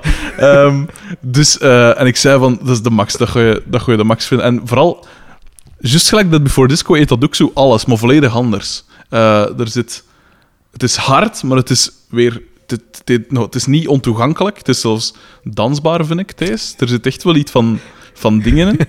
Eh, en ik zeg dan hierop, want ik ben geen danser. I'm a lover, not a dancer. Ehm, en eh, het is dus zeker, ah, ik vind het ongelooflijk. En ik heb ook al gezegd tegen gasten, gasten dat moet je checken, want dat is het nieuwe, het nieuwe ja, raketkanon of weet ik veel. Echt zoiets. Want ik vind ook, ik, ik, ik ken niks in, en zeker niet in België, maar ik denk het algemeen niet, niks dat daar op trekt. Ik vind het echt de max. En Dank het is, u. ik ben jaloers dat je in twee supergoeie groepen ge- gezeten hebt of zit. Ehm, maar is er een verschil? deze week zit ik in twee. Inderdaad. Eh, maar is er een verschil in eh, qua tekst schrijven of qua thema's? Of, want we zijn natuurlijk een paar jaar later. Eh, Is er, Qua thema's ja, blijft het hetzelfde. Hè? Ja. Ik, bedoel, ik ben nog altijd hetzelfde klein kind. Ik, ja, Uh-huh. net dat gevoel wat ik u net zei. Van, Mm. ehm, ik, ja, ik ben gewoon niet tevreden met de wereld zoals die is. Ja. Ehm, dus ja, en, en, en ik, het is mij nooit gelukt van een nummer te schrijven over iets leuk. dat, ken ik. is, allee, ja, ik kan dat niet. Heel veel respect. Ik vind dat, ik vind dat fantastisch. Mensen die een nummer kunnen schrijven over een, een gevoel van blijheid. Ik heb Ja. dan zoiets van, deel dat toch niet. Houd dat voor uzelf. Dat is, dat is, dat is zo precair. Dat de, ja, tuurlijk. ja, dat, sorry, ik hou die voor mezelf, mijn blije momenten. dus, Uh-huh. maar respect aan de mensen die dat kunnen delen. Ehm, Mhm. Maar nee, ja, in, in, inhoudelijk ja, gaat het over het, het leven en de tegenslagen die je daar persoonlijk in hebt. Mm. En, en natuurlijk de, de momenten waar dat je geconfronteerd wordt met het, het functioneren van een apparaat dat Mm. de wereld zou moeten zijn, maar Ja. Ja. it still makes no sense. Ehm, wat ik me natuurlijk ook afvraag, toen dat dus Dead Before Disco gedaan was, heb je dan direct heb je dan gezegd van, pff, allee, hier kan niks meer aan Ik heb toen zo? gezegd, deze wil ik nooit niet meer. Ik ga nooit meer in een band spelen. Echt? En twee maanden later zat ik in een repetitiekot. dus ja. Oké. En is dat, was dat toen al Nee, of de dat was, aanzet dat, was, dit? dat, was, eigenlijk wel de aanzet van dit. Ah, ja. Want eh, dat was een band. ehm, ik heb, allee, toen ik gestopt was met, met DBD, dat heeft Mm. toen drie maanden geduurd. En toen had ik eigenlijk drie vragende partijen. Ja, ja, kan ik me voorstellen, bij je stemgeluid. En uiteindelijk, allee, het, het ene was dan, dan moest ik gaan repeteren zo in, in, in, in Tongeren, in, in, in Valmeer. Hmm. Ehm, het andere dat was dan in Leuven. Hmm. En ja, was Les Héritiers heette dat toen. Mhm. Dat was dan in Brussel en dat was eigenlijk... Ah, dat was super tof. Eh, ik denk... allee, dat was een heel fijn project. Ehm, dat was zo... je kunt vergelijken met, met Bronx Gallows Hmm. meets Jamiroquai Red Hot Chili Peppers. Cool. Dus dat was zo funk en hardcore bijeen. En, en dat, dat was opnieuw zo heel, een heel natuurlijke manier van samenwerken. Alles verliep daar Ja. super vlot, super vlot. Ehm, we hebben daar ook ja, opnames van gedaan en dan, dan, dan klonk dat ook nog goed. Dus eh, dat was eigenlijk heel goed en dat was dan... hadden we eigenlijk een, een super vette plaat opgenomen. en toen kregen we ruzie met onze gitarist. Echt? En toen is die gewoon van de ene repetitie op de andere repetitie is die vertrokken. Oei. En hebben, ja, we hebben die nog één keer teruggezien, maar eh, eh, letterlijk geen contact meer mee gehad. Maar, hoe, hoe heette die groep? Les Héritiers, Les Héritiers, Ja. oké. dat was de overgang van MySpace naar Facebook. Ja. Want ik weet, we, we hadden toen al een MySpace en we hadden die helemaal gemaakt en echt aangepast en al. En toen deed MySpace een update en alle layouts van alle MySpaces waren gewoon fucked up. En toen heeft iedereen gezegd, fuck you MySpace, we zijn er weg. En, en de gitarist was ook mee weg toen, Ja. samen. Dat was dezelfde periode. Is die Ehm, uitgebracht, die plaat? Of je dan nee, ik heb thuis nog een doos met zo'n 900 liggen, dus als het u interesseert, zal ik u wel eens Dat eentje mag opsturen. zeker, ja, tuurlijk. zeker. Dus eh, Nee, de, eigenlijk. was, als, ik, ik, als ik daar nu naar, naar terugluister, word ik daar eigenlijk blij van. Want dat, ja, dat was echt een heel fijn project. Ja. Ehm, maar dat heeft, ja, achteraf heeft, we zijn er niet ver mee geraakt. Ehm, nee, dat ben ik wel eens maar de opnames zijn er en daarom ik, ik ben blij dat, dat we die fase bereikt hebben. Want allee, met Electric Noise Machine heeft het echt lang geduurd er dat we die, die opnames hebben kunnen doen. Mhm. Maar Electric Noise Machine is wel voortgekomen uit eh Les Héritiers. Ehm, omdat wij toen eigenlijk, en dan Vincent, de bassist en ik, Mhm. dat wij toen eigenlijk zoiets hadden van... hmm, Mhm. als wij nu eens gewoon geen gitarist erbij pakken. Mhm. Want, ja, we, hadden alle, we zijn allebei heel veel eh, fan van, van Lightning Bolt, van eh, Dead From Above en zo. Mhm. We hadden zoiets van, Het moet niet per se. dat moet niet per se. En dat was altijd zo een stoute droom van ons geweest, van, van, van, van brute muziek te maken Mhm. zonder een gitarist. Mhm. En Vincent, die was toen ook... allee, Die, zat toen, die, die wilde dan een keer proberen van uit zijn bas meer te halen en meer versterkers erop aan te sluiten. En toen is dat verhaal begonnen, maar ja, dat heeft wel tijd nodig om te rijpen, zoiets. Al was het maar om al zijn pedalen te verzamelen, want dat schijnt is dat echt een pedalen gek Ja. iemand. Ja, ja dat is, die kan een museum beginnen, dat is fantastisch. Nee, omdat allee, die moest, moest er bijvoorbeeld ergens een, een fatsoenlijke bibliotheek zijn waar dat je een pedaal kon gaan uitlenen. Ja. En, en om die te testen, Mhm. oké, Zijn living Maar- is eigenlijk al... maar hij, ja, hij moet dat dan kopen. Mhm. En uiteindelijk gebruikt hem het niet. Want je kunt niet met, met heel je setup naar de winkel gaan om dan één pedalken uit te proberen. Dat gaat niet. Dat als je alleen dat pedalken beluistert, je moet dat kunnen beluisteren in, het geheel. dingen. Dus je moet dat kunnen kopen. Je moet dat kopen. Mhm. En, en dan, ja, dan is dat toch niet dat. en dan moet je dat terug op tweedehands.be zetten. En, en ja, voilà. En dan is er zo een op tweedehands.be die allemaal pedalen heeft staan, gloednieuw nog in het doosje met de hand. Dat zij. Laat Steun die. Laat Koop daar zeker- heel Laat veel. me zeker zijn account weten, want ik ben... Ah, eh, Ik ben er zeker van dat je, maar, dat je al ooit een pedaal bij hem gekocht hebt. Zonder dat je het beseft. Zalig. Eh, en... ehm, Want die antwoordt in perfect, die kan geen Nederlands, maar die antwoordt in perfect Nederlands, omdat hem dat dan doorstuurt naar mij en zegt van, Johan, wat moet ik antwoorden? En dan, schitterend. voilà. Dus je hebt dat niet door. Dat Is uw Frans dan zo goed dat je er zo vlot mee... Allee. Mijn Frans is, goh ja, mijn Frans is, is spreek Frans. Mhm. Ah, ik, oké, ja, ik, ben voldoende tweetalig. Ik werk ook in de twee talen. ehm, Ah, ja, oké. Maar, laat het zo zeggen, ehm, moest ik van Erpenmeer zijn, zou ik waarschijnlijk als perfect tweetalig worden beschouwd. Ja, Maar ik ben van Brussel nu, dus nee. oké. Cool. Ehm, wat waren de... Zijn er inspiratiebron? Wat waren de... de ja, de, wat je zegt, de lightning bolt en zo en dat soort dingen. Zijn dat... En de Dead From Above, zijn dat invloeds... Nee, we vinden dat gewoon goed. Hm. We vinden dat gewoon goed. En ehm, het is wel zo dat zeker Dead From Above een, een, een invloed is geweest in het, het bekijken van hoe moet je dat dan doen om een breder spectrum te geven aan Mm. een bas. Ja, ja. Omdat bij hun dat echt perfect is uitgewerkt. Ja. Dus op dat vlak is dat wel een, een qua, qua installatie, qua Mm. machine, ja. is dat wel een, een, een te bestuderen object geweest. Mhm. Ehm, maar qua muziek, nee. Ik heb trouwens dezelfde bas als die van uh, Death From Above. Die, Ah, die voilà. plexi-dingen daar, dat je zegt. Maar wat zijn dan wel van die... Want ik, ik, in mijn oren is dat niet uniek wat dat jij maakt. Maar misschien dat jij wel dingen kent dat meer eh, in die lijn liggen. Goh. Allee, nee, wij, zowel Vincent als ik, we hebben ongeveer de, allee, we hebben dezelfde leeftijd. Ja. En we zijn allebei... We hebben hetzelfde parcours afgelegd, want daarom was het zo... ehm, ergens grappig dat ik eh, bij Vincent terecht kwam in een band, omdat hij heeft in, in Out for Blood gezeten, in Zacharia en Archangel. Mm. Eh, hij heeft in, in heel veel bands gespeeld die eigenlijk in dezelfde zalen speelden als waar dat wij toen speelden.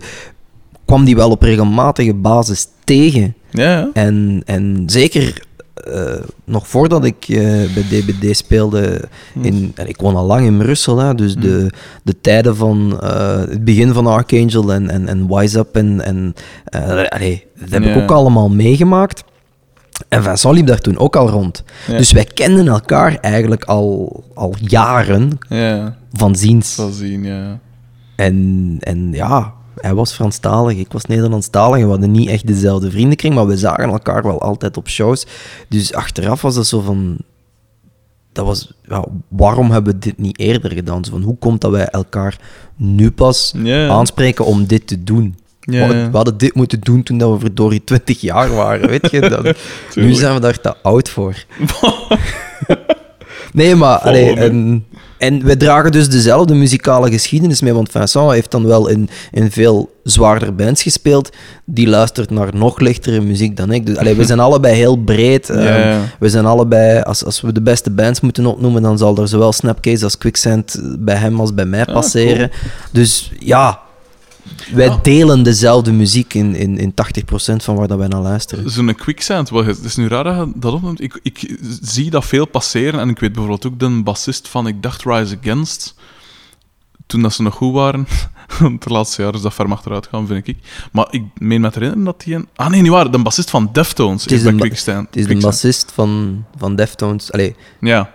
Het is de bassist van Quicksand die nadien bij na Deftones, is gaan Ja, ja. spelen. Is dat zo? Want ik heb dat, ik heb dat nog nooit eigenlijk echt gecheckt. Wat, wat maakt die groep zo speciaal, die Quicksand?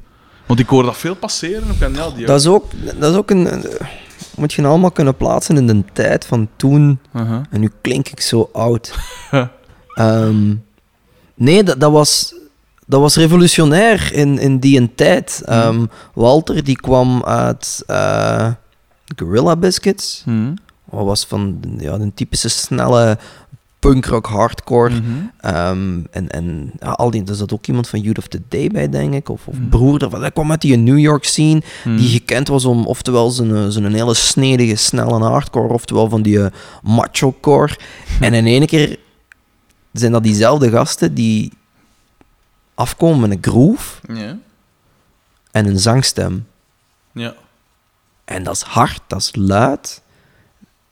Want dat is zeker geen grunge. Dat is zo ook de tijd dat, eh, dat Ja. die dingen sneller toegang vonden tot een breed publiek. Om, ja, dat er zoiets was zoals een Nirvana die deur had geopend. Mhm. Ehm, maar ja, dat, dat was iets anders. Dat was, dat was iets, iets fris en nog altijd niet geëvenaard tot op de dag van vandaag. Oké. Welke plaat daarvan moet ik zeker eens checken? Want Oh, nu ben ik wel Slip. benieuwd. Wat? Slip, Slip van Quicksand. ja, zeker doen. Klassieker. Oké, dat ga ik subiet eens doen. Ze. Ja, zeker doen. Echt. Ehm, Dat is, dat is een plaat, hè, die, die, die... Want die mannen hebben ook een reunieke gedaan. Iedereen doet een reunieke. die mannen hebben ook... eh, die zijn zelfs... ja, die, die zijn dan ook op een bepaald moment terug bijeengekomen. Hm, En toen had ik dat lang niet meer beluisterd. hm, Maar ik kon, ik kon er nog allemaal van begin tot einde meezingen. Het, eh, gewoon... Ook die teksten, dat is fantastisch. Oké. Die- wat ik daar straks zei, van ehm, hard, zwaar, agressief, maar, maar zonder de luisteraar het gevoel te geven dat je, dat je het op hem hebt of dat hij, zich, Ja, ja. dat hij agressief moet worden. Nee, Quicksand was... Dat is agressief, maar dat, dat, dat doet de agressiviteit in jezelf verdwijnen. Ja, ja, dat, is net het, dat is net het leuke. Die Oké. bitserig, snederig met de juiste woorden. Ja. Zeg je eigenlijk ooit eh, straight edge of zo geweest? Omdat je er zegt van... ja, ik zit die- hier met water, jongen. Ik ben er nog altijd. Hoe is het echt? Zijn er... Boah, s- nee, ik, ik ben nooit straight edge geweest. Ehm, Hmm. ik, ik drink niet. mhm. Ik, Ik ook rook niet. Ik ook niet. Ehm, ik, ik bedrieg mijn vrouw niet, want blijkbaar is dat ook iets wat dat er eh, bij gesmeerd is. Uh-huh. Ehm, ik ben al, al jaar en dag vegetariër, wat dat ook niks te maken heeft met straight edge, maar dat is er ook Mhm. altijd bij gesleurd. Ja. Nee, nee, maar ik, ik heb me daar... En dat is... Misschien ben ik dat, Ja. maar dat is nogmaals, ik heb nooit de drang gehad om Hmm. deel uit te maken van, van een groter geheel. Ik ben ook helemaal geen religieus persoon. Nee. En ik denk dat dat er ook mee te maken heeft. Nee, ik wil, ik wil nooit deel uitmaken van, van, van iets wat op een bepaald moment een label wordt opgeplakt. Ja. Want dan, dan is het zo precies dat je daar dan moeite voor moet doen om daarbij te blijven behoren. Ja, Terwijl, sorry, ik, ik leef gewoon volgens mijn eigen principes. En als die nu voor een heel groot deel samenvallen met straight edge, dan ja, oké. Ja. Noem me dan maar zo. Ik krijg die vraag ook veel. Is erop, omdat je er... Allee, gelijk me inderdaad wel iemand met eh, zekere principes en een wereldvisie. En, en, en daarom, ja. En met dat je dan in die een, allee, halvelings in die scene zo'n beetje hing, allee, maar dan eigenlijk niet, dacht ik van ja, misschien zal dat wel. Voor mij stond die, allee, die straight edge, voor mij komt dat voort uit de, de, wat het dat Ian McKee ooit Ja. eh, is begonnen. Hè? En, en voor mij stond dat eigenlijk, hing dat helemaal niet vast met, met, met drank en drugs en, en, en wat dan ook, maar was dat meer van een gevoel van, je moet verantwoordelijkheid durven nemen Mm. voor, voor wat dat je doet en wat dat je zegt. En En ook een soort puurheid voor mij, zo. Zo'n echtheid. Een, een... ja, maar dat is dan Nee. hetgene wat ik... Ah. Ik ben helemaal niet puur, hè. Ik, ah, ja. Oeh, is het niet puur? Nee, man. allee, ik ben ook maar een mens, hè. Dus allee, ja. op, op dat vlak, dan vind ik dat weer, als je, dan zo, als je daar dan weer zo de term puur, dan is het precies alsof dat je iets doet wat de anderen niet doen. Mhm. En nee, voor mij ging het er net, is, is heel die straight beweging was net van, eh, je doet dat voor jezelf en, en je kunt, voor alles wat dat je doet, kun je verantwoording afleggen. Oh ja, ja, oké. En, en voilà, dat, Ja, je, dat je niks... allee, dat je niks onbezonnen doet en, en dat je weet wat dat de Ja, gevolgen oh. zijn Ja, van je acties. Ja, oké. En je moet daarom niet heiliger worden dan de pauze, maar je moet gewoon je moet goed beseffen Hmm. wat het, de dingen die je doet, wat dat die veroorzaken voor jezelf, voor je omgeving en voor de rest van de wereld. Ja, ah, wel, en ik- je kunt niet vanuit je eigen, en dan komen we weer terug tot het, het eeuwige item, hè. Hmm. je kunt niet door jezelf een, een, een heel ethische manier van leven op te leggen, gaat je niet de wereld verbeteren. Mhm. Dat kan nooit vanuit jezelf Nee, komen. tuurlijk. Maar als je zoiets doet, moet je dat voor jezelf doen. En, en dan doe je dat ook volgens het Ja. kader dat je voor jezelf kunt scheppen. Ah, wel, maar ik bedoel het inderdaad op die manier. Dat je alles wat je doet, inderdaad kunt veranderen. Dat je niks doet wat dat eigenlijk niet eigen is aan jezelf. En dat je, allee, dat je gewoon... Gelijk, eh, dat je je eigenlijk in principe nergens voor moet schamen, zo gezegd. Mhm. dat, zo, in die zin bedoel ik het. Niet in de zin van rein of puur, Ja. allee, zo zuiver. Of Dat heeft, er, allee, dat heeft er voor mij nooit Nee. aan, aan, aan Nee. vastgehangen. Ehm, En je kunt dat ook doen als je stom dronken bent. als je de volgende dag toch nog weet wat dat je allemaal gedaan hebt, uh-huh. dan zijn er voor mij toch nog straight. Ehm, die... Je hebt mij ooit gezegd, eh, als Vincent ermee stopt, dan is het gedaan met die dingen. Ah, Wilt, ja. dat ook zeggen dat de nummers grotendeels van hem komen? Want jij speelt nu ook wel, jij doet er eh, Ja. synth en allee, echt geluid, manipulatie. eh, Ja, van maar de- ik... ehm, nee, dit, dit is echt een project... Als Vincent hiermee stopt, dan is dat gedaan, omdat... allee, dit gaat over bas, drum, mm, zang. mm, En ehm, al wat dat de elektronica is, dat is gewoon... Dat, dat is opsmukkerij, dat is, is aanvullend, dat Ja. is wat sfeer creëren. Maar de basis wordt echt gelegd door de bas en door de sound van die bas. ja. En door ik denk zijn niet- bas echt. Door vooral. zijn bas, Ja. door zijn manier van spelen. Mhm. Ehm, je kunt wel, ah ja, je kunt misschien nog een, nog een project opstarten met een, een, een bassist en een drummer, Mhm. maar dan zal dat nooit Electric Noise Machine zijn. Voor Mhm. mij, Electric Noise Machine is Vincent Ja. en, en ik help hem daarbij. En, Ja. en ik voel me daardoor ook deel daarvan. Maar ehm, ik denk, moest ik weggaan, dat die band wel iemand kan vinden die dat gat kan opvullen. Mhm. Moest Vincent daarmee stoppen, dan, nee, dan is Ja. het gedaan. Oké. Wat is zo de...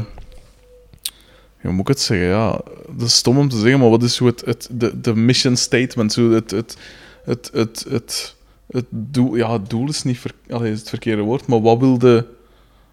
Wat wil de... Wat is de boodschap? Wat, wat wil de verkon... Allee, wat is het, het, eh, het opzet?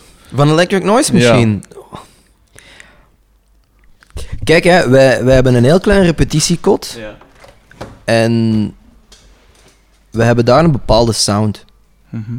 En alles wordt afges... Allee, we, dit is een geluidsproject. Mhm. Dit is voor mij niet echt een band. Dit is, dit is een geluidsproject eh, van een aantal mensen die meer plezier beleven aan, aan lawaai te maken Mhm. dan aan te werken aan, aan moeilijke ehm, melodieën. Het, het gaat over de sound dat erachter zit.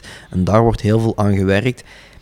En wij voelen die op een bepaalde manier. Mhm. En voor ons is eigenlijk het doel is ervoor te zorgen dat wij eigenlijk die machine Mhm. op een podium kunnen zitten en dat we dat dan dag na dag kunnen, kunnen delen met de mensen, zodat zij dat horen zoals dat wij het voelen. Ja. En dat is heel moeilijk met, met dit project. Want Mhm. ehm, het is klein, dus je bent nog noodgedwongen van, van te spelen in kleine zalen. Maar eh, we hebben over de laatste paar dagen een botaniek eh, de zaal voor ons gehad om ons ding te doen. Cool. En dan merk je eigenlijk wel van, kijk, op zo'n podium met, met dit materiaal en, en, en die omgeving, Mhm. komt dat tot zijn recht. dat kan ik me wel voorstellen. Ja, omdat, en dan, om dan kunnen wij die, die sfeer van in dat klein lokaal, Mhm. kunnen we eigenlijk in een grote zaal beter creëren dan in een kleine zaal. Mhm. En dan, dan voelen wij ons enorm zelfzeker. En, en dan, dan kunnen wij gewoon gaan. Om het zo... ah ja. Ja? En dan, kom- dan komt dat voor ons ook beter eh, tot uiting. Want als wij... Je hebt maar weinig instrumenten, dus als er eentje niet goed hoorbaar is, ja, dan valt heel veel weg. Tuurlijk. Je kunt u... Bij Dead Before Disco, dat is twee gitaristen, een bassist, een drummer. Allee, je hebt heel veel referentiepunten. vol, ja. En, en je kunt je, kunt u, u goed voelen bij alleen het horen van de samengang van, van de drum en de bas. En Ja, u daarop baseren. En als de gitaren onduidelijk zijn, omdat het geluid op een bepaald podium niet fatsoenlijk is afgeregeld.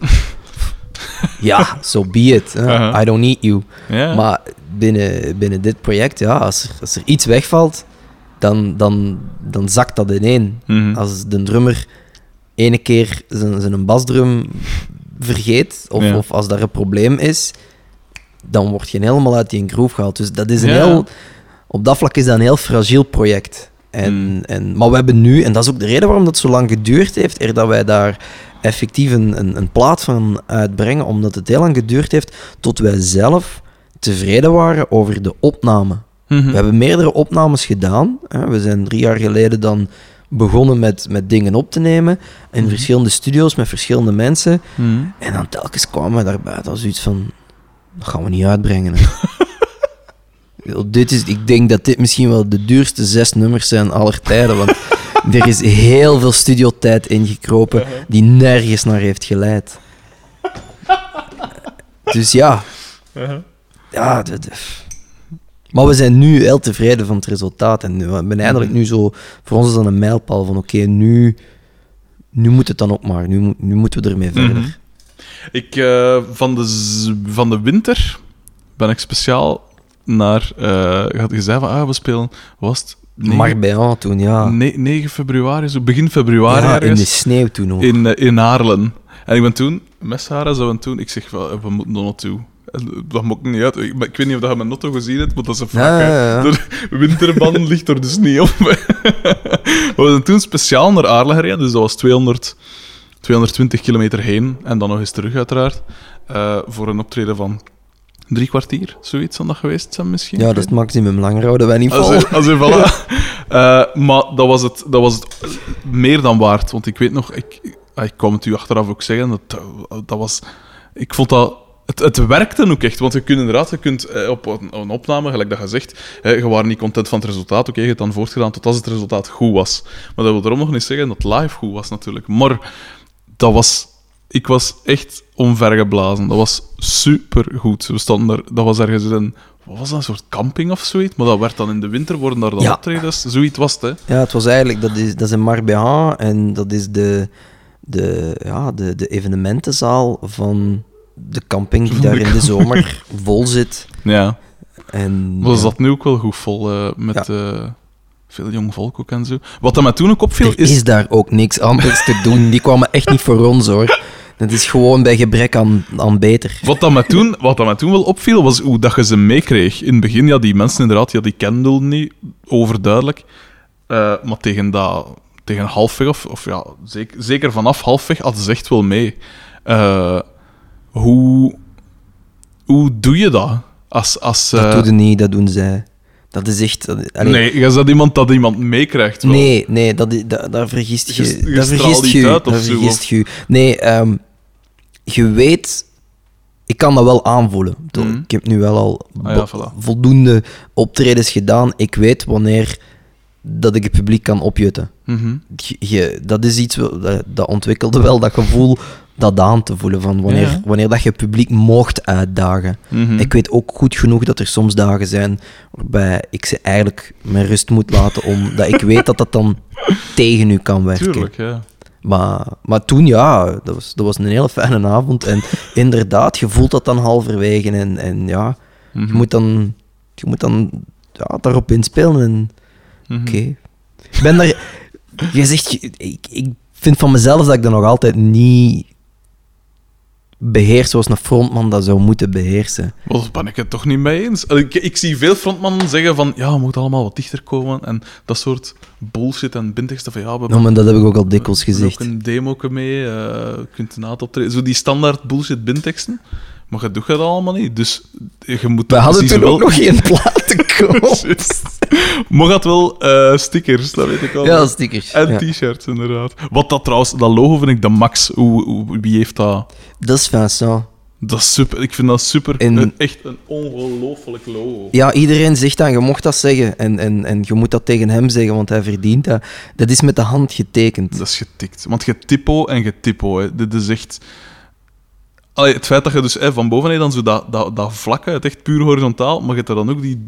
Allee, Maar- normaal doe je alles ofwel zo diagonaal, en, maar het, het, het is echt een super logo. Maar Vincent, die, die doet dat allemaal. Ook eh, het, het andere, allee, het driehoeklogo, het eigenlijke logo. Want Is die nog van beroep of zo? eh, iets van nee, die, die, ja, Oh, gek. die werkt in een tattoo-winkel. Oh. En ja, die moet wel vaker tattoos helpen verder ontwikkelen. Ja. Ehm, maar hij tekent. Dat is niet, hij kan niet met een computer om. ja. Die kan iTunes opzetten en zijn mail beantwoorden, maar allee, zijn mail ook alleen als hem kan inloggen via de browser, want een mailprogramma zult je hem niet snel zien gebruiken. Dus dat zijn de twee dingen dat hij kan. En voor de rest is die, eh, ehm, allee, moet hij alles op papier doen eh, met potlood. Dus die tekent nog echt. En dat zijn dan 30, Goh, 40 ja. ontwerpen met de gom en weg en dit en dat en Mhm. hier en daar. En als dat dan uiteindelijk de tekening is, dan gaat hij daarmee naar een goede maat van hem. En die scant dat in. En die, die bewerkt dat dan met een of ander programma en die vectoriseert dat, zodat je dat dan ja, ja. kunt gaan uitrekken. en zo, ja. Dus eh, ja, nee, maar hij, st- hij stopt daar heel veel tijd in. Ehm, welke tattoo shop is dat? Dat de, de ritual. Ah ja, die, de, ik ga altijd bij dingen, hè, bij Kostek aan de... Vroeger was dat aan de, het Vossenplein. Boucherie Modern was dat. Ja. Daar werkt hij toen, nu is het van thuis uit. Nee, ja, cool. Ehm, die, eh, van waar komt het hoesontwerp? Want dat vind ik ook wel de max. Ehm, Die kop zo langs achter. dat is een foto. ehm, van, ja, dat? ja. ja, dat is een foto. Dat is een foto van eh, Thomas. eh, Wie is Thomas? Thomas Marchal. Mhm. Ehm, en een Brusselse fotograaf. Mhm. En dat is een foto die Vincent ooit heeft zien passeren. En waarvan hij zei van, damn, dan ga ik ze vierkant uitknippen. en die kwam daar toen mee naar de repetitie. En toen was er zelfs nog geen plaat. Hè. Toen was er nog geen plaat. Ja. En ehm, toen zei hij van, zou dat niet tof zijn? En dan ook zo een keer met, met, met dat logo in die nek en dit en Mm. dat. Nee, het is toffer gewoon, die foto. Ja. Ehm, maar er was toen, ik meen het, er was toen helemaal geen plaat. Er was toen gewoon een idee. Mhm. En toen achteraf, toen dat er effectief de plaat was en, en dat we tijdens de opnames ook zoiets hadden van, we moeten wel zien dat we nu al alles van, van ehm, heel, heel de hoes en zo klaar hebben, dat Mhm. dat, dat geen vertraging Tuurlijk, nee. eh, gaat zijn. Dat dat af is. hè. En toen, is, allee, toen kwam hij gewoon af van, ja, jullie waren hier toch mee akkoord? En ja, toen is het het van, ja, eh, ja, ja, en, en daar is hem. Uh-huh. Dus, eh, hij had die fotograaf toen al betaald voor die foto te mogen gebruiken. Dus het was zoiets van, ja, ja. En voilà. Zo is die hoes er gekomen. Ja, straf. Cool. Zijn er, eh, is er al, want de, de festivalzomer gaan nu, allee, is nu begonnen. Zijn er eh, de grote dinges, eh dinges op stapel? De, nee, groot past momenteel niet bij ons, blijkbaar. Hmm. Ehm, nee, het is heel moeilijk om dit verkocht te krijgen. Het is, het is heel agressief Mhm. en, en ja, de mensen snappen het niet. Maar dat verstond ik dus niet, want allee, ik zeg het, het deed alles en het is toch, allee, ik vind het niet ontoegankelijk. Het is, het is vind dansbaar zelfs. Ik vind dat ook dat wij niet zo ontoegankelijk... Ik, ik vind het, het is geen hardcore, het is geen metal, het is, het is geen punkrock. Mm. Het, het heeft heel veel invloeden, maar het, het blijft... Je kunt het nog altijd onderbrengen onder de categorie agressief. Mhm. Ook al zing ik hier meer op in plaats van te roepen brullen. Ehm, maar iedereen die ons live komt zien, die beseft op dat moment wel dat wij eigenlijk nog zwaarder zijn dan een hardcore band. We zijn, Ja, ja. Live zijn wij heel agressief. Mhm. En ja, dat is moeilijk. Oké, ja. Dat is, allee, ik ga daar eerlijk in zijn. Momenteel op, op vlak van, van, van optredens is het heel moeilijk om, om dit ergens verkocht te krijgen. Is dat dan een kwestie van, van, van, van boekers? Van, van, hoe, hoe Er zit is dat? geen ene boeker die hiermee wilt werken. Maar dat kan, dat, dat, dat, dat kan toch niet?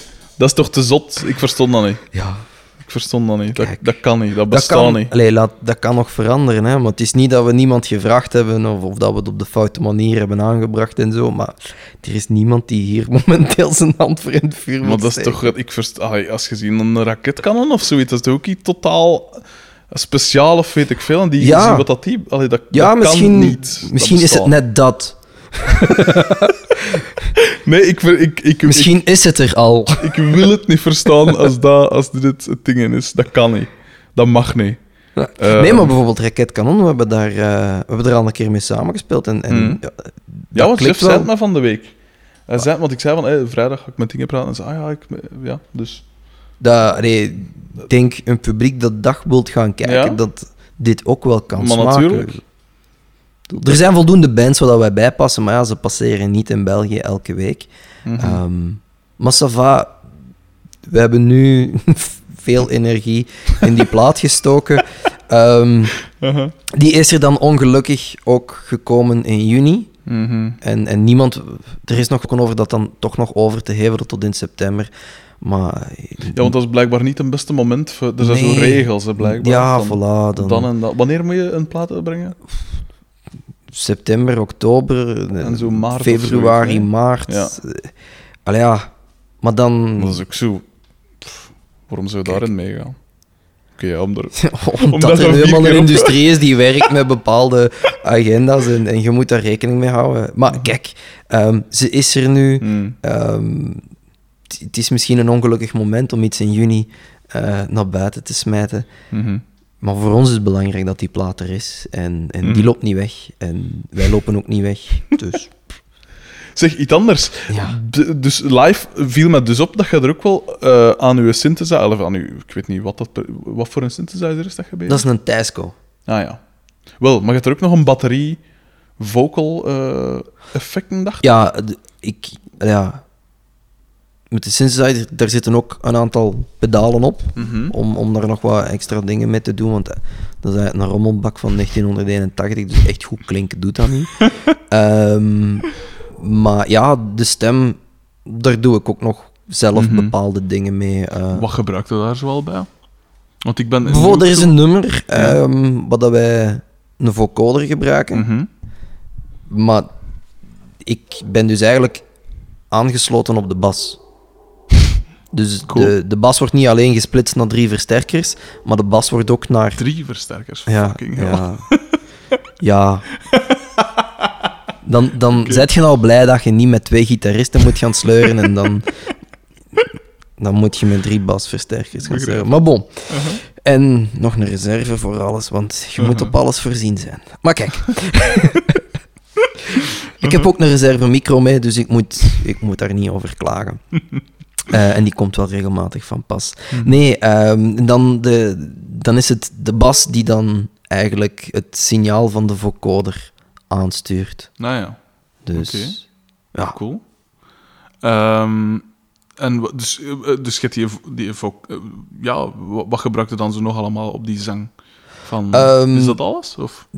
Ja, distortion en loopen en, en dan ook ehm, een, een, een octave erop zetten. En ja, probeer daar wat, daar wat mee te spelen. Mhm. Eh, Maar dat is vaak een keuze, want ik kan ook niet alles doen. Ik kan niet en een entertainende zanger zijn en bezig zijn met bewerken van de stem Ja. en ondertussen ook nog bezig zijn met die synthesizer. Ja. Ehm, voor mij is, is Electric Noise Machine, basdrum, zang Mhm. en al die andere dingen, dat is, dat is fijn, dat is Ja. extra, ehm, maar die mogen nooit noodzakelijk zijn. Mm.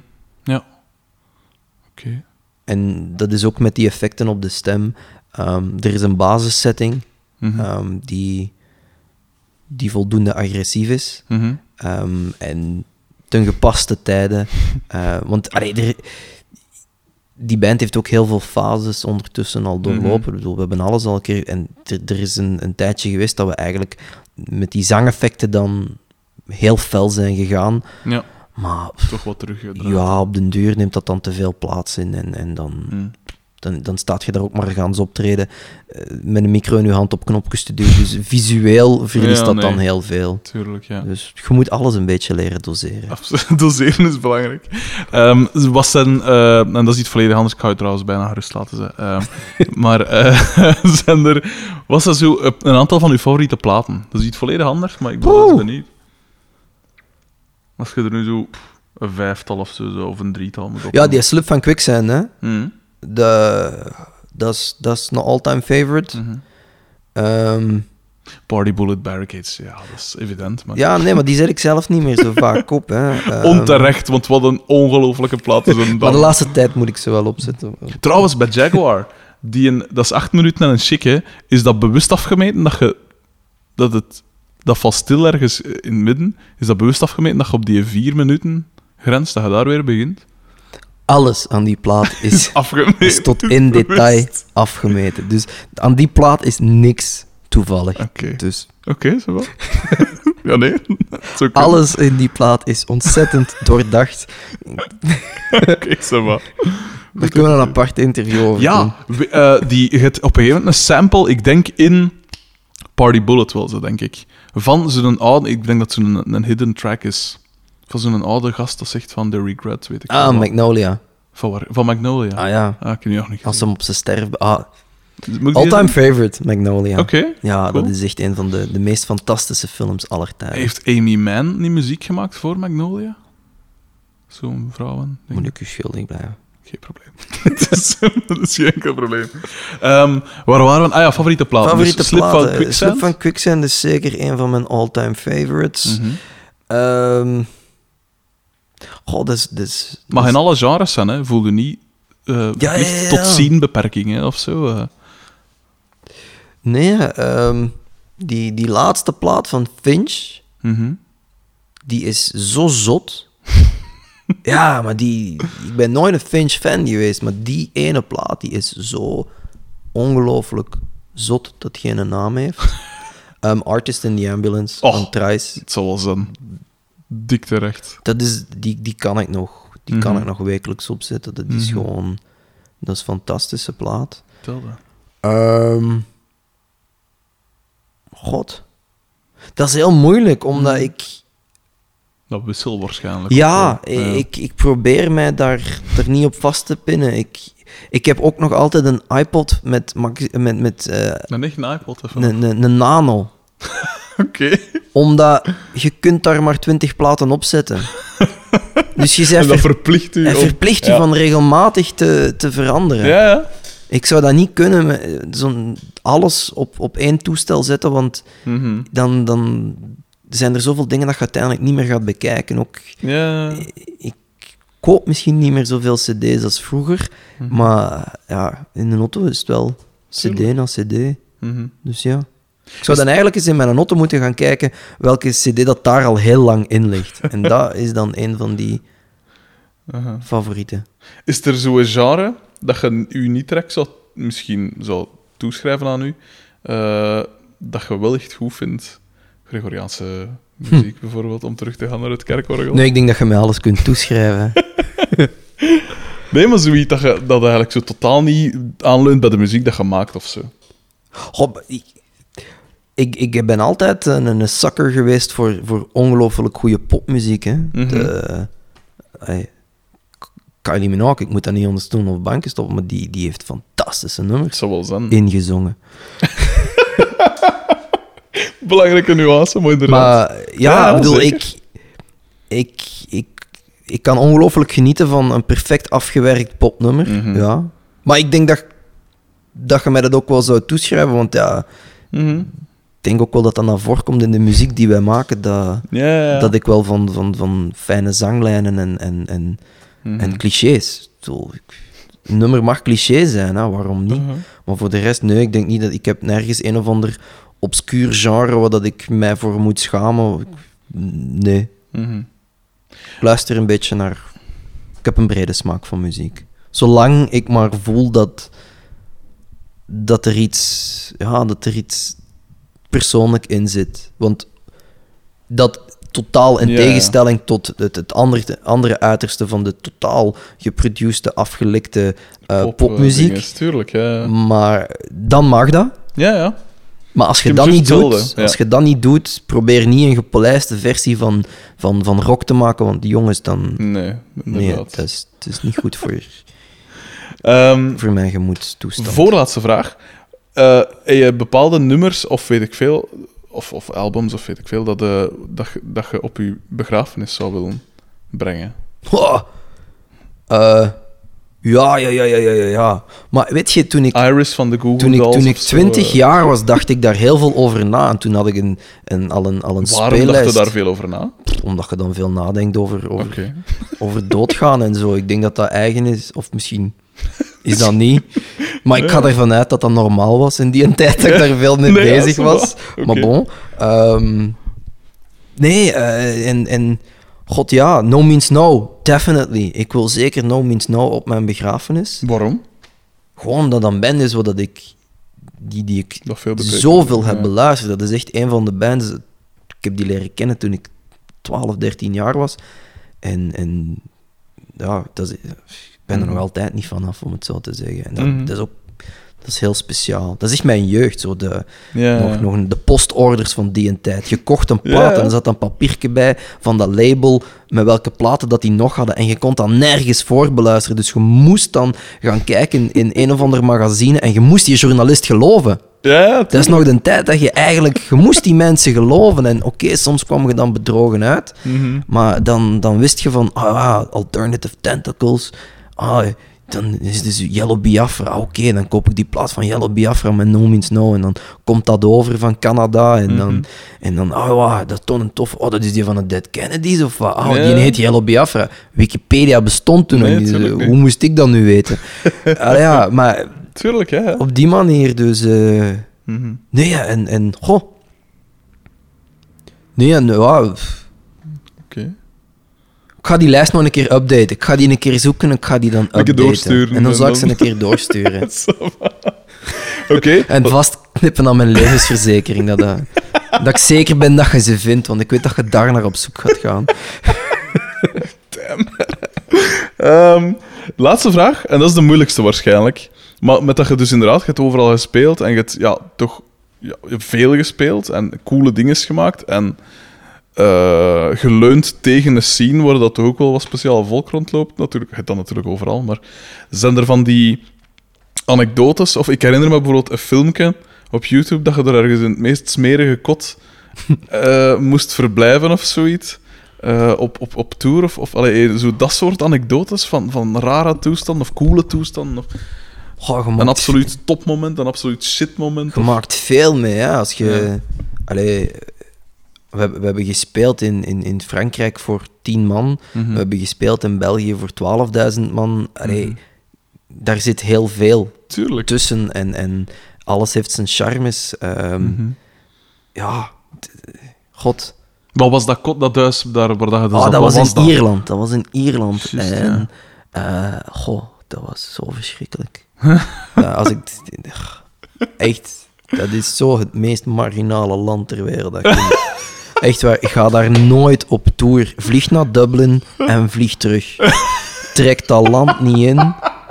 Ja, man, man, man. Misschien als je zo van die folkmuziek maakt, dat je daar dan voor open staat. Maar nee, ja, dat was verschrikkelijk. Ehm, Er had een gast voor ons een tour geregeld en wij, heel naïef, boef, Ja. maar Ryanair eh, richting Dublin. Mhm. We hebben zelf Dublin niet gezien. Die is ons daar komen... Nee, die is ons niet komen oppikken. Die is ons materiaal komen oppikken met een auto waar dat er nu een limousine tegen is. En die heeft toen gezegd, ja, ze take the bus to Cork. Ja, schitterend. En Dus die, die en die wees ons gewoon naar het station.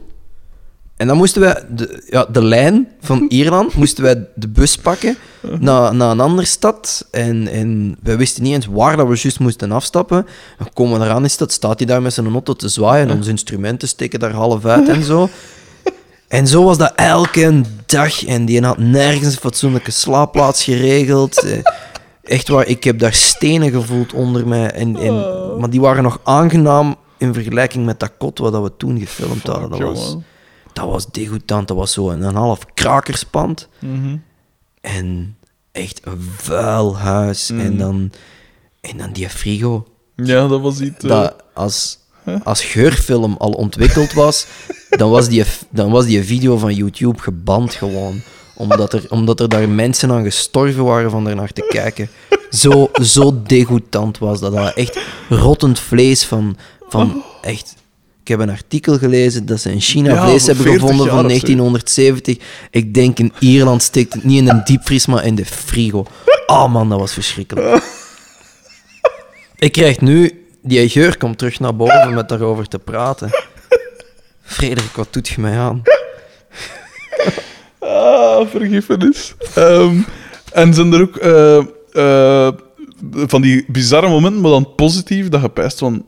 Allee, je zei daar zoiets al, die een tour daar in, in, en met Jakarta en West, maar dat is inderdaad wel... Verrassend.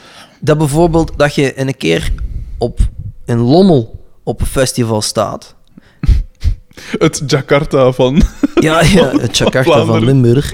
Ehm, dat je in Lommel op het podium staat en dat je daar in, in, en dat er dan ook Bushimi speelt en, en, en nog andere dingen en dat je dan voelt van hey, we zijn hier in één keer in een breder scene terechtgekomen en dan stap je van het podium af en in één keer staat daar Stijn Meuris voor u en dan een grote man. Ik ben een kleine man, Stijn Meuris is een grote man Ja. en dat, die zegt in één keer tegen u van Amai jong, dat is het beste wat ik een tijd gezien heb. En, en die begint u daar in één keer te, te, te, ja, vol te stoppen met complimenten. En zoiets van... Wauw. Ja? Ik heb zoveel respect voor die man in, in, in, in wat hij allemaal gedaan heeft.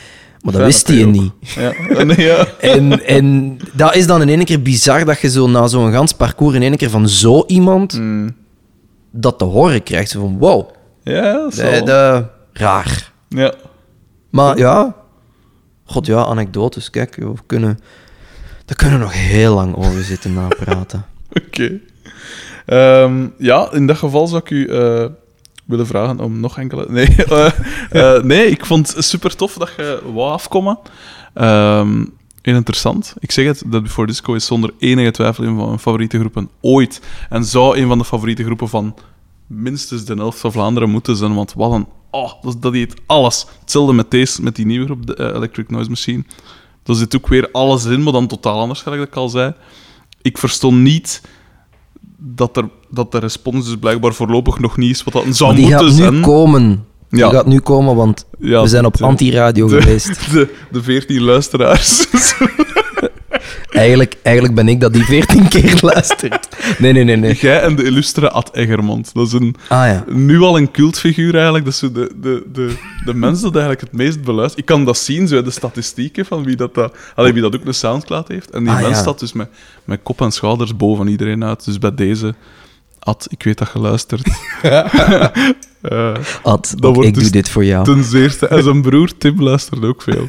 Ah, je hebt dat dan al Ik gedubbelcheckt dat dat volledig, familie is. eh, ik heb dat volledig... Amai. Die Haanse stamboom Ik ga, me, te- ik ga wel, denk ik, nu in het vervolg, als ik luister, ga ik via de, niet gaan via de browser waarin ik ingelogd ben op Soundcloud. Ja, nee, ja, want ik, ik, eh, ik volg... Je hè. ziet gewoon wanneer dat ik luister. Mhm, mhm.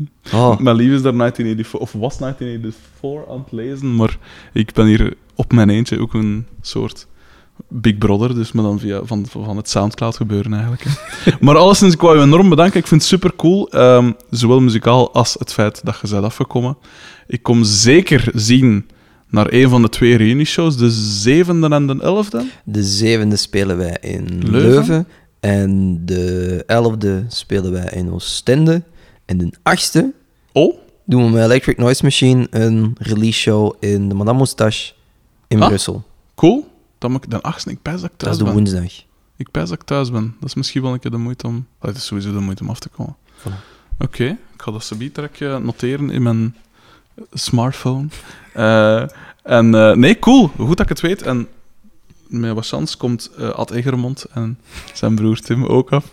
Eh, enorm bedankt, echt waar. Ik vond een... eh, Bedankt om me uit te nodigen. Ik voel me vereerd om in een lijst van interessante mensen terecht te komen. Want ik weet, Ja. je hebt het mij al lang geleden gevraagd. En, en ik heb in het begin toen ook gezegd van... Wat een meerwaarde ben ik. Ehm, maar ik vond het heel tof. ik vond minstens even tof. Merci om te komen.